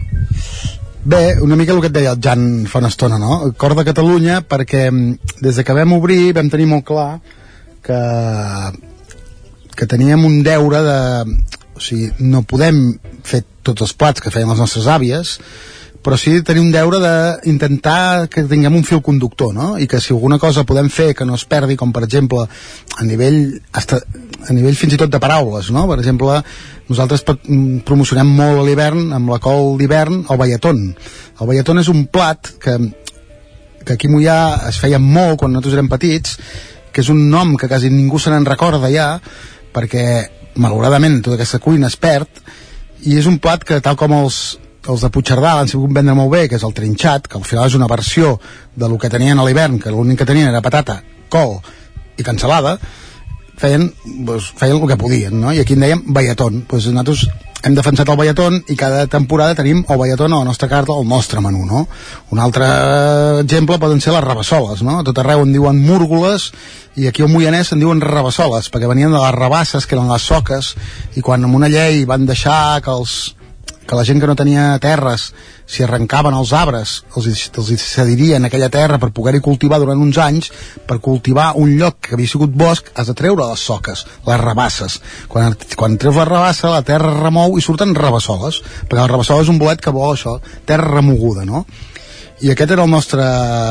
també la nostra il·lusió, no?, de, de de, que, de, de si podíem fer un lligam històric amb, amb, amb els productes, amb els plats i també el que deia el Jan, no? també de donar importància que el Moianès és com un paradís o una cosa estranya que s'ha conservat molt la pagesia o, i encara hi ha molta gent que, que té hort que hi ha pagesos que encara s'hi dediquen hi ha, hi ha pagesos que tenen vedelles de pastura xais i clar, aquesta gent no els donem importància i és molt important pel, pels, pels països, no? perquè són els que són els nostres rebots, no?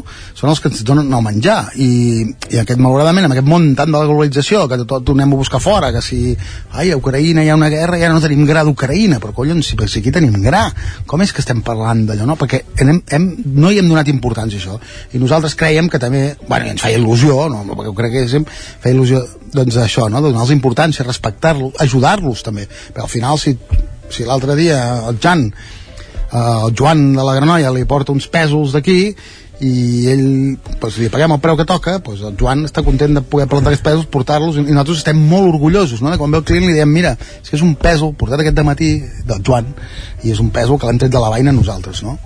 I bueno, una mica això som, som uns, una mica uns enamorats no, del territori i per això vam dir cor de Catalunya perquè estem, sempre han dit que el cor de Catalunya és Manresa no? sempre s'ha dit que el centre de Catalunya és Manresa bueno, estem a 25 quilòmetres i vam dir, home, no crec que s'enfadin no? perquè, bueno, primer la nostra cuina del Moianès i el que parlàvem abans de la proximitat sense passar-nos tampoc, no? perquè no podem no podem menjar tot l'hivern balletón patata i col, hem d'anar a buscar altres coses i la cuina, a més a més, és una cosa que és oberta és, és canviant constantment no? i totes les, qualsevol qualsevol altra cuina ens afecta, no? I si ha vingut gent de fora o tal, no? I no podem tampoc estar tancats en banda i a vegades fem coses que no són que no s'havien fet mai. I, però bueno, però l'essència és això, el cor de Catalunya, defensar el país. Tornem amb, amb tu, Jan, una mica. Uh, Explica'ns quin és el, el plat estrella de, de les voltes i com el feu. Aviam, uh, plat estrella com a tal, no n'hi ha com a tal un, però n'hi ha uns quants que són uns plats recurrents a les nostres cartes i que triomfen moltíssim. Per exemple, uh, el producte estrella, et diria jo, és la tòfona i la temporada de la tòfona. Uh, després, nosaltres ens agrada molt tocar la tòfona, tenim un menú de degustació de tòfona que és explícit, o sigui, sencer, de pe a pa tòfona, uh, que ens porta la cosina del Jaume. O sigui, que és tòfona... El bo d'aquesta tòfona és que està collida al matí i al migdia es serveix. Això és el més important perquè no es perdin aromes. Després, eh, amb aquest producte, per exemple, fem el parmentier amb ous ferrats i tòfona, que és un dels grans clàssics d'aquí de, de sempre, diria jo, pràcticament que de sempre. Ah, després, un plat que també està molt arrelat uh, de sempre és els peus de poc farcits de foie i ceps, uh, triomfa moltíssim. I un plat que fa uns anys que està triomfant molt a l'estiu és l'arròs la, de gambes. Uh, veus, no té res a veure amb la tòfona, amb la caça, amb tot això, però, però a l'estiu també, també ens agrada a tots menjar un bon arròs de gambes. I, Jaume, ja per anar, per anar tancant, eh, a nivell de reconeixement, heu parlat de que sou eh, molt coneguts aquí a la comarca del Moianès, que us agrada treballar en proximitat, però heu estat inclòs a la guia Michelin. Explica'ns, com, com ha estat això i què és el que suposa per un restaurant com Les Voltes? Uh, aquest any ens van, bueno, uh, he vist ser cap al setembre del 2022, ens van enviar un correu que dient que, bueno, que, que havien tingut visita dels seus inspectors, a casa nostra, que, bueno, que els havia agradat molt i que ens volien posar de recomanats dintre la guia Michelin i nosaltres, bueno, clar, nosaltres encantats de la vida perquè és un reconeixement a la bona feina i, és, i a més a més és un reconeixement que, que t'amplia molt la repercussió mediàtica i de publicitat a l'hora que et vinguin més clients que et coneguin, no? I això sempre és, és bo perquè clar, mai ens hem d'oblidar que estem en un poble de 6.000 habitants, Mollà, que la comarca és petitoneta, que estem apartats a tot arreu, que a més a més tenim un restaurant en un carrer que no és gens comercial i que a més a més obres la porta i has de baixar unes escales, no? Vull dir que eh, sempre és bo que et reconeguin. La guia Michelin eh, ja ens havia recomanat durant 10 anys i hem estat recomanats i després no se sap per què perquè tampoc t'ho diuen ens van treure dos o tres anys i ara ens han tornat a posar clar, és, ens, ens omple d'orgull no? Vull dir, és, és una, un reconeixement molt maco però tots els reconeixements són molt macos eh?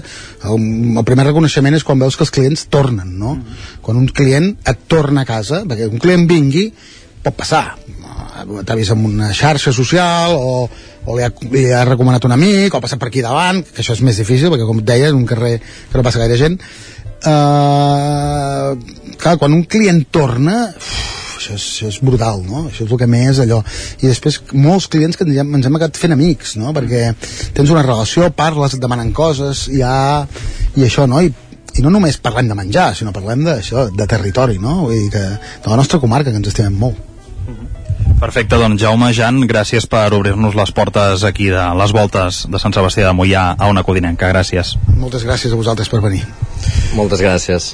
Gràcies també, Roger, per aquesta entrevista. Com dèiem, amb Jaume Castany i Jan Fargues, propietari i cuiner de les voltes de Sant Sebastià de Mollà, els protagonistes avui a la Foc Lent, aquí al territori 17. Fem una petita pausa, ja ens esperen Guillem Sánchez amb les pilades més destacades que ha trobat a Twitter, anirem al cinema, repassarem sèries, és la traca final del territori 17 d'aquest matí de dijous. El nou FM, la ràdio de casa, al 92.8. Davant l'escassetat hídrica, fem un consum responsable de l'aigua, perquè cada gota que estalviem serà una gota més per al planeta. No et quedis sec. Tanca l'aixeta. Akbar amb tu.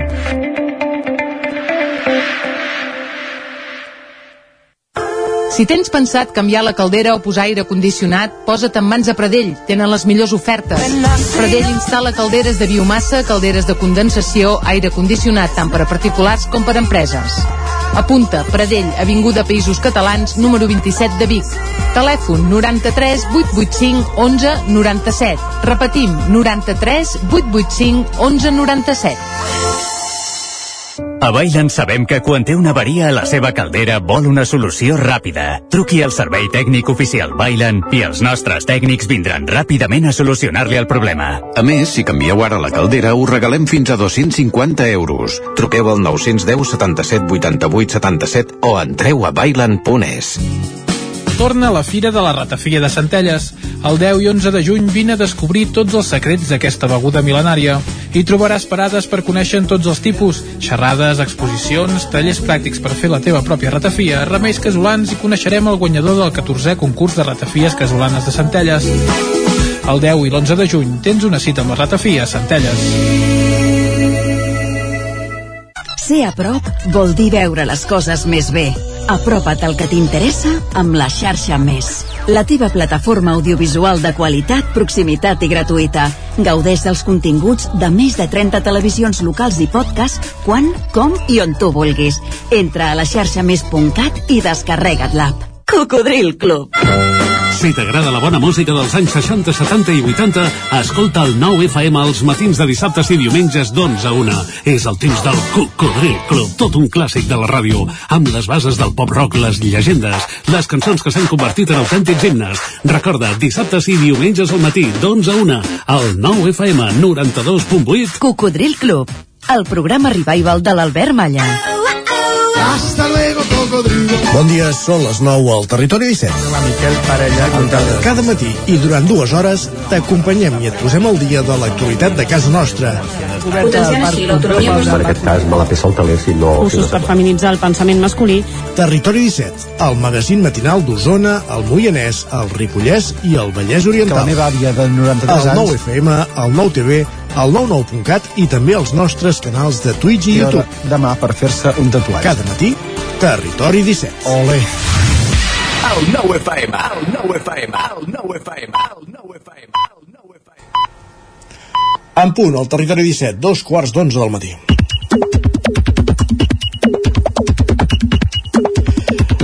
I a aquesta hora ja ens espera els estudis del 9FM en Guillem Sánchez per repassar el més destacat que ha trobat a Twitter. No sé si cinc lletres Messi són el més destacat. Ara t'anava a dir, Isaac, et volia fer un joc, però veig que ja m'ha ja M'he agafat M'he directament. avançat, vaja. Ja. Uh, usuaris que estan destrossats. Aquesta és, la, Destrossats. aquesta és la paraula. Deixa'm-los dir ingenus, però vaja, és molt fàcil dir-ho toro passat, ja ho sé. Va, comencem amb algunes piulades. Vinga, per exemple, aquest usuari que ens diu no ve, no vindrà mai més. Celebro, celebro que tingui un estiu per oblidar-ho. Donem-nos tots les mans, siguem forts en aquest moment. Em falten mots. Pues ja està. Poesia pura, poesia, Poesia, pura. poesia. Va, una piulada amb molts Suposo que el poesia ho dius pel que he mirat Bobo, eh? Uh, JB Foix, no? Eren aquestes paraules? Segurament, sí. Va, una piulada amb molts comentaris com aquest d'en Jordi que ens diu pensa que finalment podrà guanyar l'únic trofeu que li falta, quedar últim a una lliga. No, no. És un equip que havia quedat últim, eh? L'última competició de, de Lliga dels a- Estats Units. ara oi? remunten. O potser ja els posen directament segons, només per la- per l'arribada la, de, de, de Messi. Alguns usuaris també... Pensa que hi havia hagut un segon entrenador ripollès en aquest equip, eh? Correcte, Albert Roder. Albert Roder, correcte.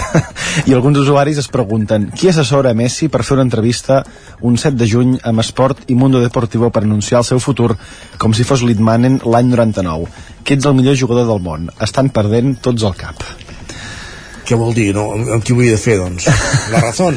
No, però ara que existeixen xarxes i aquestes coses, el típic vídeo per xarxes de dir senyores, me voy, Però, senyores... però això ho fa fins i tot Jordi Alba, això sí que és rastrero. Tot i... Abans sent Litmanens que un... En fi. que un Jordi Alba. Tot i això em sumo a la reflexió del nostre company en Jordi Vilarrodà que ens escriu com a mínim se li ha d'agrair que ho hagi decidit de pressa. Ens ha estalviat la turra infinita de si bé o no bé omplint hores i pàgines als mitjans, cosa que ja ha passat aquests últims Sí, sí, dies. ja portem uns quants dies de turra. Però que, sí, sí. que només els últims dies ja era pesadíssim. Doncs bé, si més no, mira, un capítol tancat i ja podem anar per, per, Per un altre. Per exemple, Isaac, com el de la selectivitat, aquests dies hi ha molta gent també amb aquesta Els preocupació nervis, al cap, nervis. molts nervis també, moltes coses. Uh, per exemple, usuaris que ens escriuen lo de la selectivitat està com molt passat de moda, no? Dic, no, no està passat de moda. Expliqui'l al nano que l'ha de, que de fer. I que porta no sé quantes setmanes estudiant Exacte. i que ha de treure una nota per entrar als seus estudis universitaris i aquestes històries. Qui diu això potser és que no ha fet mai la selectivitat, tampoc. Eh? També. Va, i sisplau, si algú pot que respongui a la Laura, que ens diu soc l'única que ha fet l'opció B o què? Només he trobat a dues persones. Busca, busca, Laura, segur que en trobes més. I tant. I tot i no saber-se els resultats de, fins d'aquí uns dies, en José ens escriu he encertat 9 preguntes de l'examen de castellà a la selectivitat. Podràs superar-me? Que no s'endugui llavors que no s'endugui que no llavors una mala notícia perquè a vegades amb aquestes correccions que ja evidentment es poden consultar que tu ja fas els teus càlculs llavors no acaba siguent allò que potser t'havies imaginat eh? Doncs vaja. Va, en canvi una de les assignatures amb l'examen segurament més complicat fins ara ha estat la de física i aquest usuari pregunta, sense mala intenció diria jo algú sap on viuen els organitzadors de física de la selectivitat? Val més no saber-ho. No, perquè potser llavors eh, podrien tenir algun, algun problema. Va, veurem com els van els resultats de tots ells i centrem-nos ara en qüestions més mundanes. Com m'agraden, Isaac, les situacions com la que ens explica l'Anna. Ja, Anna, t'escoltem, som tot orelles. Va, he vist una tórtora a la terrassa picotejant-me una planta. He sortit dient, seràs puta, deixa les plantes. La veïna del costat regava les seves. Ha quedat petrificada. Som molt fans de l'Anna. Som molt fans de l'Anna. I de fet, el millor d'això és que el capítol dels ocells a casa l'Anna no ha acabat. No ha acabat? No ha acabat perquè en una piulada que feia crec que ahir la tarda, avui al matí, ens explicava ella mateixa hem hagut de deixar les taules de la terrassa plegades perquè les tòrtores s'han encapritxat en muntar el seu piset aquí i després del numeret amb la veïna jo ja no puc sortir a insultar-les. A veure, que si jo fos tortura també voldria viure aquí. Esclar. Doncs estarem pendents a veure com va evolucionant. Eh... Un petit poble de tòrtores al mig de Vic. I tant. I mireu quina gran constatació ens fan per xarxes, ens diuen cada dia necessito migdiades més llargues. Em teniu fregida totes bé, si tens temps per poder dormir, no hi ha pas problema, no? Exacte. Va, i un, i un consell d'amics, gaudiu de la vida al màxim perquè si no acabareu com l'Aina, que ens escriu el següent, diu acabo de programar sis correus per demà al matí perquè no vull que la gent es pensi que estic fent coses a les dues de la matinada com una desquiciada això és una opció que hi ha gent que, que la contempla. Jo no se m'havia acudit mai, jo penso, jo l'envio i ja el rebrà quan l'hagi de rebre. Ja, no pretenc que el rebi a les dues de la matinada però aquí ja estem pensant en què pensarà la gent si jo estic sí. fent feina o estic enviant coses de feina a certes hores o a certs moments sí, del sí, dia. si ho faig així és perquè tinc els meus motius. Senzillament és això. Vai, acabarem a la secció amb una reflexió que espero que tothom estudi en deteniment quan acabi. És la d'en Jordi que ens diu el meu pare, autònom de tota la vida, té una gran frase per definir el mercat laboral d'aquest país. Si tu mires bé, però bé, treballar no surt a compte. Sí, sí, és d'aquelles frases de la sabidoria popular. Estudia... De la universitat de la vida, que diuen. Estudieu molt, entreu a la universitat que vulgueu, curseu estudis eh, per treballar d'una cosa que no fa falta. Va, és el meu consell. O feu d'enginyers, llavors potser sí. Vinga, va, va. Gràcies, Guillem. Que vagi molt bé. Bon dia. I de les piolades... Territori 17, el 9 FM, la veu de Sant Joan, Ona Codinenca, Ràdio Cardedeu, Territori 17. Ara sí, si m'ho permeteu, de les pilades anirem cap al cinema perquè ja ens esperen a la veu de Sant Joan en Joan Garcia i en Gerard Fossas una setmana més per repassar les novetats de les cartelleres dels cinemes de casa nostra i les estrenes de, de la setmana. Per tant, com dèiem, sense anar més, al cinema al Territori 17. I una setmana més, eh, moment de parlar amb en Gerard Fosses, el nostre crític cinematogràfic, per parlar del que podem veure aquest cap de setmana i els pròxims dies als nostres cinemes. Hola, Gerard. Hola, què tal? T'agrada això de crític cinematogràfic? Perquè és que depèn de l'època i depèn de qui en parlis potser li pot semblar doncs, allò, algú car que, que està allà escrivint amb una Olivetti ja. home, ara fa temps que no escric però o sigui, m'agrada el concepte el que passa que em sembla que s'ha d'avaluar una mica no? perquè també mm. qualsevol persona que dona la seva opinió és crítica no? i Uh, és com hi ha un model filosòfic que potser està una mica obsolet o que s'ha de reinventar però, mm. però bé, segueixo pensant que és una, una cosa reivindicable però t'agradaria algun altre nom? El nostre gurú? El, no sé no, el gurú no, per favor no, la crítica està bé el nostre, el nostre gurú sí, sí, exacte, el villano favorito de tots doncs uh, res, en Gerard, simplement en Gerard. En Gerard que cada setmana doncs, ens, ens el, porta... El que parla de cine. Eh? Exacte. Doncs uh, vinga, el que parla de cine, què, què tenim aquest cap de setmana? Bueno, ara ho empalmem una mica malament perquè anem d'aquest el cine, menys cine segurament, tot i que també té el seu públic. Estem parlant d'aquest cinema espectacular, efectes especials, que rescata una franquícia que encara ningú sap com, ja porta 7 o 8 pel·lícules també, que es Transformers, el despertar de las bestias. Durante siglos nuestra especie se ha mantenido oculta. Pero la oscuridad ha vuelto a encontrarnos. Prime. Está en juego el destino de todo ser vivo. Unicron viene hacia aquí.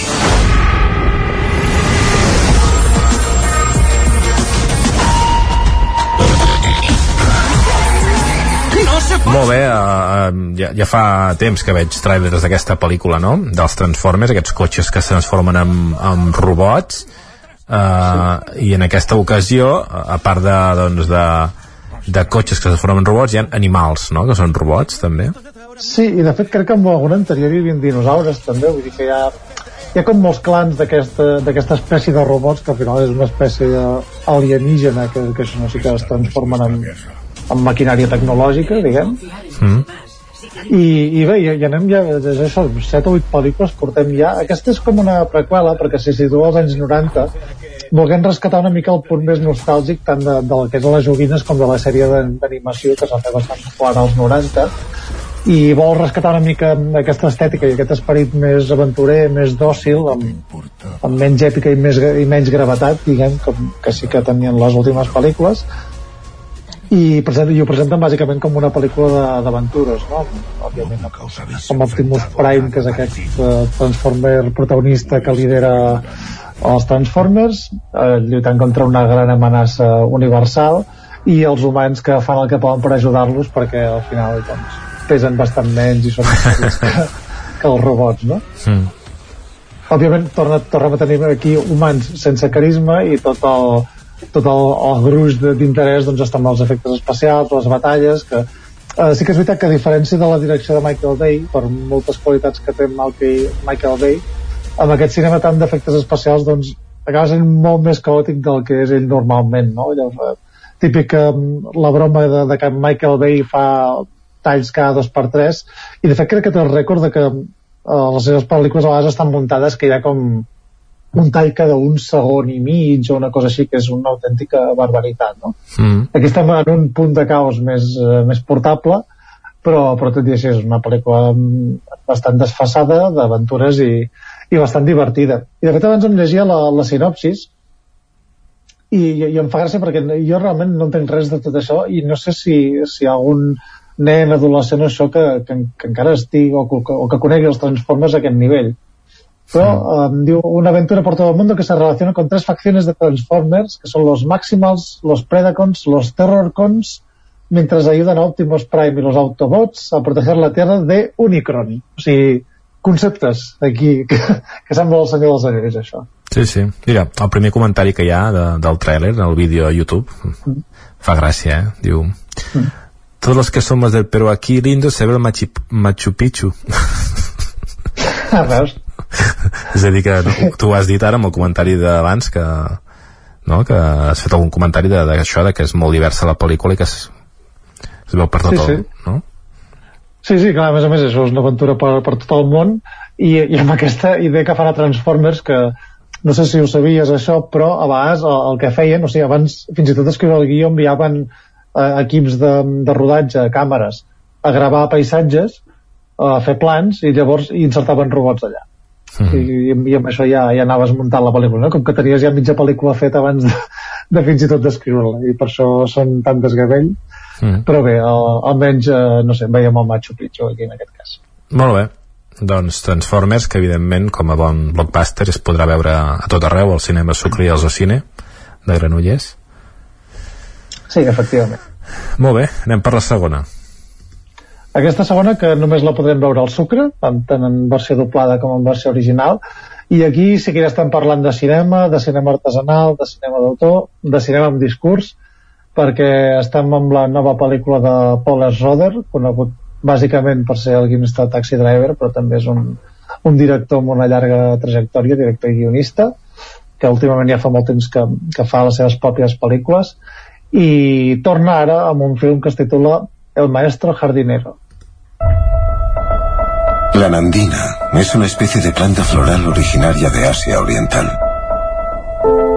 En ciertas épocas del año, su olor puede proporcionarte un subidón.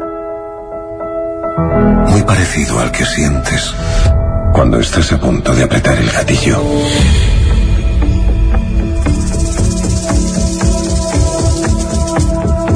Quiero pedirte un favor. ¿Qué favor? Mi sobrina. Me gustaría que se convirtiera en tu aprendiz. Dejó los estudios y se juntó con malas compañías. Aprenderás a cuidar un jardín. ¿Estás contenta con la vida que llevas? ¿Por qué lo dices? Dices muchas tonterías, pero hay algo de lo que nunca hablas. ¿De qué? De ti. No hay mucho de lo que hablar. Estic aguantant el trailer perquè de moment sembla això eh, que bàsicament eh, Bestia nueve de los malos. eh, això eh, parlin de plantes i de... Però va més enllà, eh? Sí, sí, Ara- sí ara- sempre... Els radars sempre va més enllà, sí, sí. Mm -hmm. ara, ara, ja, ara ja es va veient pistoles i i gent que mata gent explica'ns Sí, bé, el Paul Schrader és un, és un cineasta amb, com ho diria, com molt contingut i alhora molt explosiu, no? Redan molt les distàncies una mica...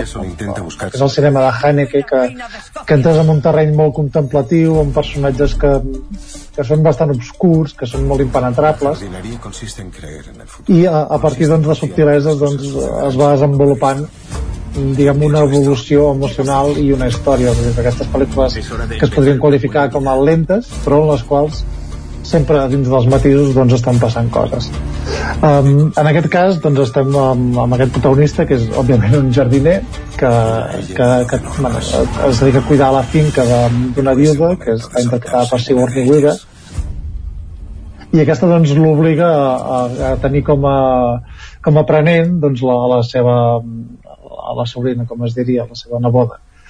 Um, I bé, i a partir d'aquí doncs es comença doncs, a generar una història que més enllà de les plantes doncs, va evolucionant i òbviament doncs, té com un petit camí, una obertura cap a, cap a la violència. Mm. Um, i, I aquest film segueix bastant la, la línia de les últimes pel·lícules de, de Paul Schrader, que les recomano moltíssim.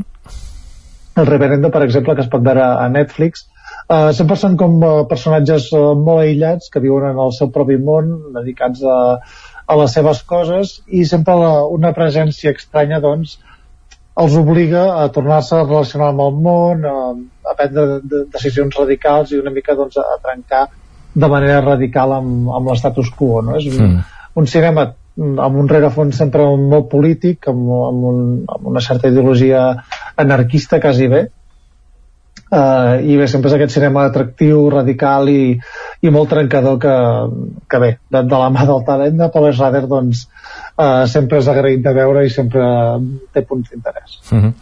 ara he entrat en el, en el magnífic, t'estic escoltant eh? però he entrat en el magnífic món dels comentaris de YouTube Després, ah, sempre, des- sempre és meravellós després del Machu Picchu i, um, i n'hi ha un que diu me hace recordar a una película antigua igual de un hombre y una niña uh, és un comentari de qualitat que ens fa dubtar de si hem de Sí. continuar amb tu Gerard la setmana que ve o proposar-li aquest home uh, uh, hosti, aquesta no, no sé què dir-te jo, jo com, com a mínim el sondejaria molt bé, com a col·laborador Eh, M'està agradant això, eh? Començaria a pensar d'obrir la, la subsecció del comentari de YouTube al, al trailer. deixa'm-ho a mi, ja te'ls faré jo Perfecte.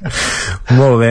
Uh, aquesta pel·lícula, com has comentat, només es pot veure a Vic, al cinema Sucre, uh, mm. i ara anem a per la següent, que ja recuperem també els dos grans cinemes del nostre territori, el Sucre de Vic i l'Ocini de Granollers. Sí, i a més, com que és una pel·lícula de producció catalana, eh, dirigida per, per Marcel Barrena, que segurament molta gent el, el coneixerà per, bueno, no, no personalment, però per Mediterráneo, que pel·lícula que es va fer molt popular fa un parell d'anys, i ara dirigeix un documental sobre un home que xiu-xiueja els cavalls, que es titula Hermano Caballo. Me he entendido mucho mejor con los caballos que con las personas. Podemos tener una relación sana con los caballos, de respeto, de igual a igual. Yo no soy un domador, yo soy su amigo. Los enseño con el juego. Sí, ¿vas a descansar? ¿Fem una volta més o no? El caballo tiene un agujero en el tendón. Tirando a corto, cinco meses. Es que no hay sustituto para este caballo. Que un caballo sea especial no tiene nada que ver con la sangre ni con el pedigrí. Tiene que ver con su alma. No, y no, y mira, mira. L'hem de comprar ja. No es pot quedar aquí, es que no es pot quedar aquí aquest cavall. ¿Para qué gastarnos dinero en un caballo si podíamos ayudar a otro que lo necesitaba mucho ¿Qué más? es esto? ¿Qué habéis traído? Molt bé, això que fan, fan llegir textos de gent que no, no de gent real, com aquest home no? fan, ho ficcionen fan llegir, li fan llegir un text i pobre, no és la seva feina eh? la seva feina és amb els cavalls no? i queda així una mica rarot Sí, que queda una, una mica estrany, de fet el, el format és bastant curiós de documental, però bé, és, és un film d'aquests que, que acaben sent molt, molt vitalistes de la relació de, de l'ésser humà amb la natura i se centra en la figura d'aquest eh, de Santi Serracamps, que és un de, dels millors, o considerats dels millors números de cavalls del món, perquè també es dedica a domar cavalls deixant-los sempre la, la seva llibertat i com així doncs reforçant doncs, el- els llaços de, el vincle emocional o d'amistat o, o com se li vulgui dir aquesta relació no? mm -hmm.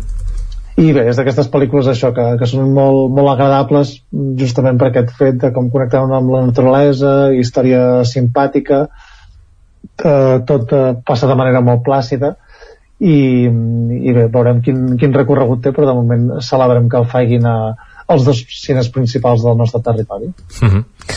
Molt bé, doncs aquestes són tres de les pel·lícules que podreu veure al nostre territori i ara una, una quarta que no sabem doncs on es pot veure o poder es pot però Oh. és desconegut per a nosaltres algun cine de Barcelona, suposo, uh, però segurament aviat la podem trobar a plataformes. Um, és una pel·lícula també espanyola, debut a la direcció de, de Pablo Maqueda, i és un, un thriller que eh, potser ens pot sonar una pel·lícula, a pel·lícules anteriors, que també surt un home i una nena, uh, que en aquest cas es titula La desconocida. ja tinc, ja després ja tinc el comentari que he vist a YouTube també uh, la desconocida Súbela, por favor.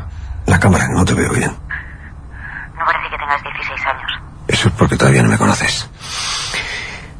Levántate la camiseta. Lo que más me dolería es que te llevaras una impresión equivocada de mí. Hátamelo. Zapato, digo. Hátamelo. Dijiste que no me tocarías. Me voy a ir. No, sabes que no puedes gritar, sabes que no puedes pedir ayuda. Respira. Coge aire, coge aire. Y ahora suelta, suelta. Muy bien, muy bien, muy bien. ¿Te ves ahí? Pequeñita, indefensa, intentando coger el valor suficiente como para escapar. Eso no sería divertido. ¿Qué es lo que quieres? Solo tienes que entrar como los conejos. explica'ns una mica perquè és una mica estranya no ho acabem de pillar Sí, és, és una mica enrebaçada, eh? I, I de fet va una mica d'això, perquè és una d'aquestes pel·lícules que, que basen tota la seva força en, en el gir de, de guió, d'aquestes pel·lícules que, que en tenen uns quants, i bé, i el film comença amb un home adult que, que a través del xat doncs, eh, coneix una noia jove, això que es diu el catfishing, i comencen doncs, a establir una, una relació no? amb una, una noia que és eh, menor d'edat, eh, ella es fa passar per un adolescent i tal. I s'arriben a conèixer i, doncs, i a partir d'aquí doncs, es comença a crear una relació de poder Atámelo. i pararem aquí perquè òbviament després a partir d'aquí hi ha girs, hi ha sorpreses res és el que sembla. bla bla bla. Al final és una història que, que té els seus girs i és entretinguda de veure, és bastant rutinària. A més a més està protagonitzada per Manolo Solo que sempre actua superbé és un, un magnífic actor. Eh, la noia és la Laia Manzanares també actriu menys recorregut però que també funciona bastant bé en, en aquesta pel·lícula i això, la pel·lícula que es basa fonamentalment en el guió, opinions molt dispars, òbviament, sempre si, si entres dintre la història, perquè té els seus punts absurds també, però òbviament recorda molt, ara que mencionava pel·lícules anteriors, doncs recorda molt una mica la línia de Hard Candy, que qui l'ha vista doncs ja, ja sabrà de per on poden anar els trets. mm. i que ella que com comentaves surt un home i una, i una nena més petita Efectivament. uh, a veure, comentaris uh, te puc destacar dos un diu, siendo un thriller me mueve ir a verla una ventaja de ser cine espanyol és que se entienden los diálogos malament, no n'ha vist gaire Eh. doncs, De, de fet, al revés. sí, sí um, y un otro que digo, ok, el trailer ya contó toda la película, la piba se hace pasar por víctima, lo extorsiona al otro degenerado, al final el tipo muere porque estamos en época de feminismo y luego era toda una historia imaginaria para escribir un libro o una venganza personal. Aquesta gent també que, com que ha de demostrar no? que, que pensa bé, i que... Vaja. Molt bé. Sí, Uh, sí, qual- qualsevol cosa és eh, profeminista, per lo que sigui. mm, molt bé, doncs avui queda instal·lada aquesta subsecció de llegir els comentaris de YouTube. Aquí ja enganxàvem al final de temporada, eh, quasi bé. Sí, mira. te- Tenim innovacions per, per Exacte. És un spoiler de la propera. Uh, uh, cartellera de la resta de, de cinema, el cinema Comtal de Ripoll, Els Encantats i Vaya Vacaciones. Sí, que tenim eh, pel·lícules de, de caràcter nacional, tenim els encantats de, de l'N3P, que ja vam comentar la setmana passada que, que es va estrenar, prota- protagonitzada per, per Laia Costa i situada també al Pirineu català, i Vacaciones, Vaya Vacaciones, perdó, doncs, comèdia lleugera, com, com indica el seu nom, eh, caràcter familiar. Uh, les, a Camprodon, el cinema Casal Camprodoní, Les Cíclades, Escapada de Amigas. Uh, Sí, aquest film que, que es va presentar al BCN Film Fest um, bé, és una pel·lícula francesa d'aquestes comèdies adultes uh, comèdia bastant amarga també um, però vaja, és un grup d'amigues que, que sempre han estat amigues des de l'adolescència i uh, en aquest cas doncs òbviament s'han distanciat per causes de la vida i decideixen trobar-se ja de, adultes avançades diguem per, per fer un viatge de- d'estiu i recuperar una mica aquestes sensacions perdudes. el cinema Catalunya de Ribes, òpera Le Comte Horry, um, Sí, aquí eh, anem passant perquè no, no conec res, la veritat. Uh -huh.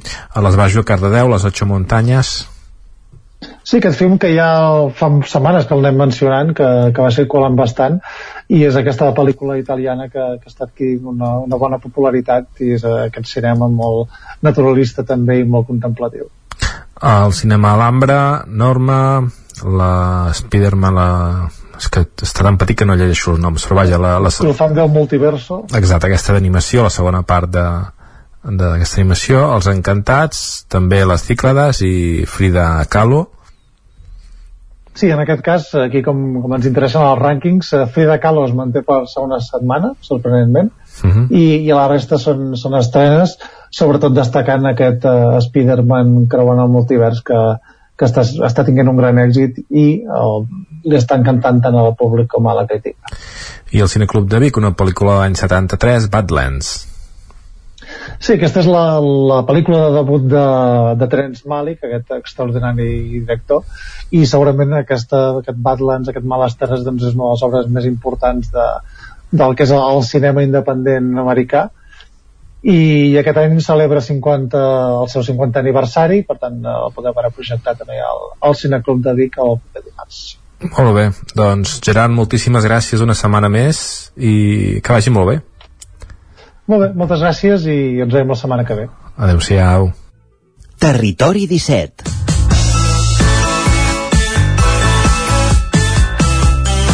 I rec de final del programa d'avui, després del cinema amb en Joan Garcia i Gerard Fossa, és moment de parlar de sèries o de més pel·lícules, Isaac Muntades.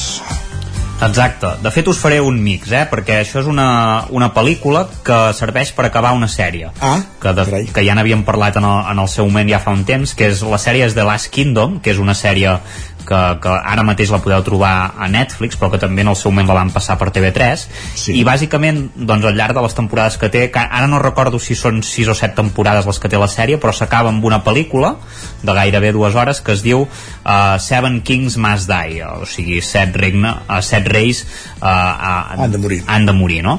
Uh, aquesta pel·lícula, doncs, bàsicament uh, parla de...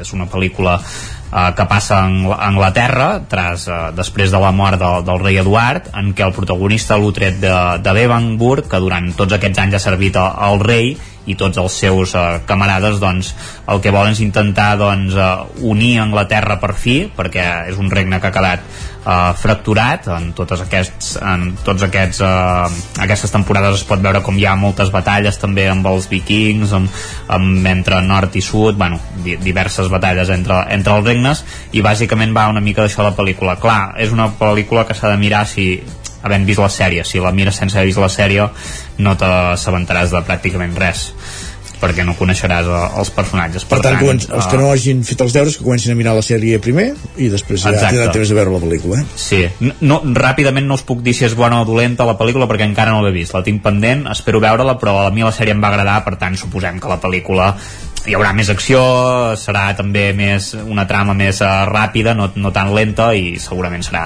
divertida. Film Affinity li posa un 6, però vaja, això com que va a gust de cadascú... Sí, és, és nota alta, eh, un 6 a Film Affinity, sí. és, és nota bastant alta. Doncs mira, doncs queda dit. Siete Reyes deben morir, la, la, una pel·lícula que és al final d'una sèrie de set temporades. Uh, la sèrie que es deia, Isaac? The Last Kingdom, l'últim reialme. Doncs vinga. Uh, una cosa i altra mm, haurien d'anar... No pot ser una cosa sense l'altra, pel que ens deies. Exacte. Gràcies i tornem demà. Bon dia. Fins demà. Adéu, bon dia. I nosaltres que acabem el territori 17 us hem acompanyat des de les 9 del matí Isaac Muntades, Maria López, Pol Grau, Pep Acosta, Roger Rams, Guillem Sánchez, Gerard Fosses, Joan Garcia, Sergi Vives i Isaac Moreno. I tornarem demà a partir de les 9 fins a les hores. Bon dijous. Gràcies per ser-hi. Adéu-siau.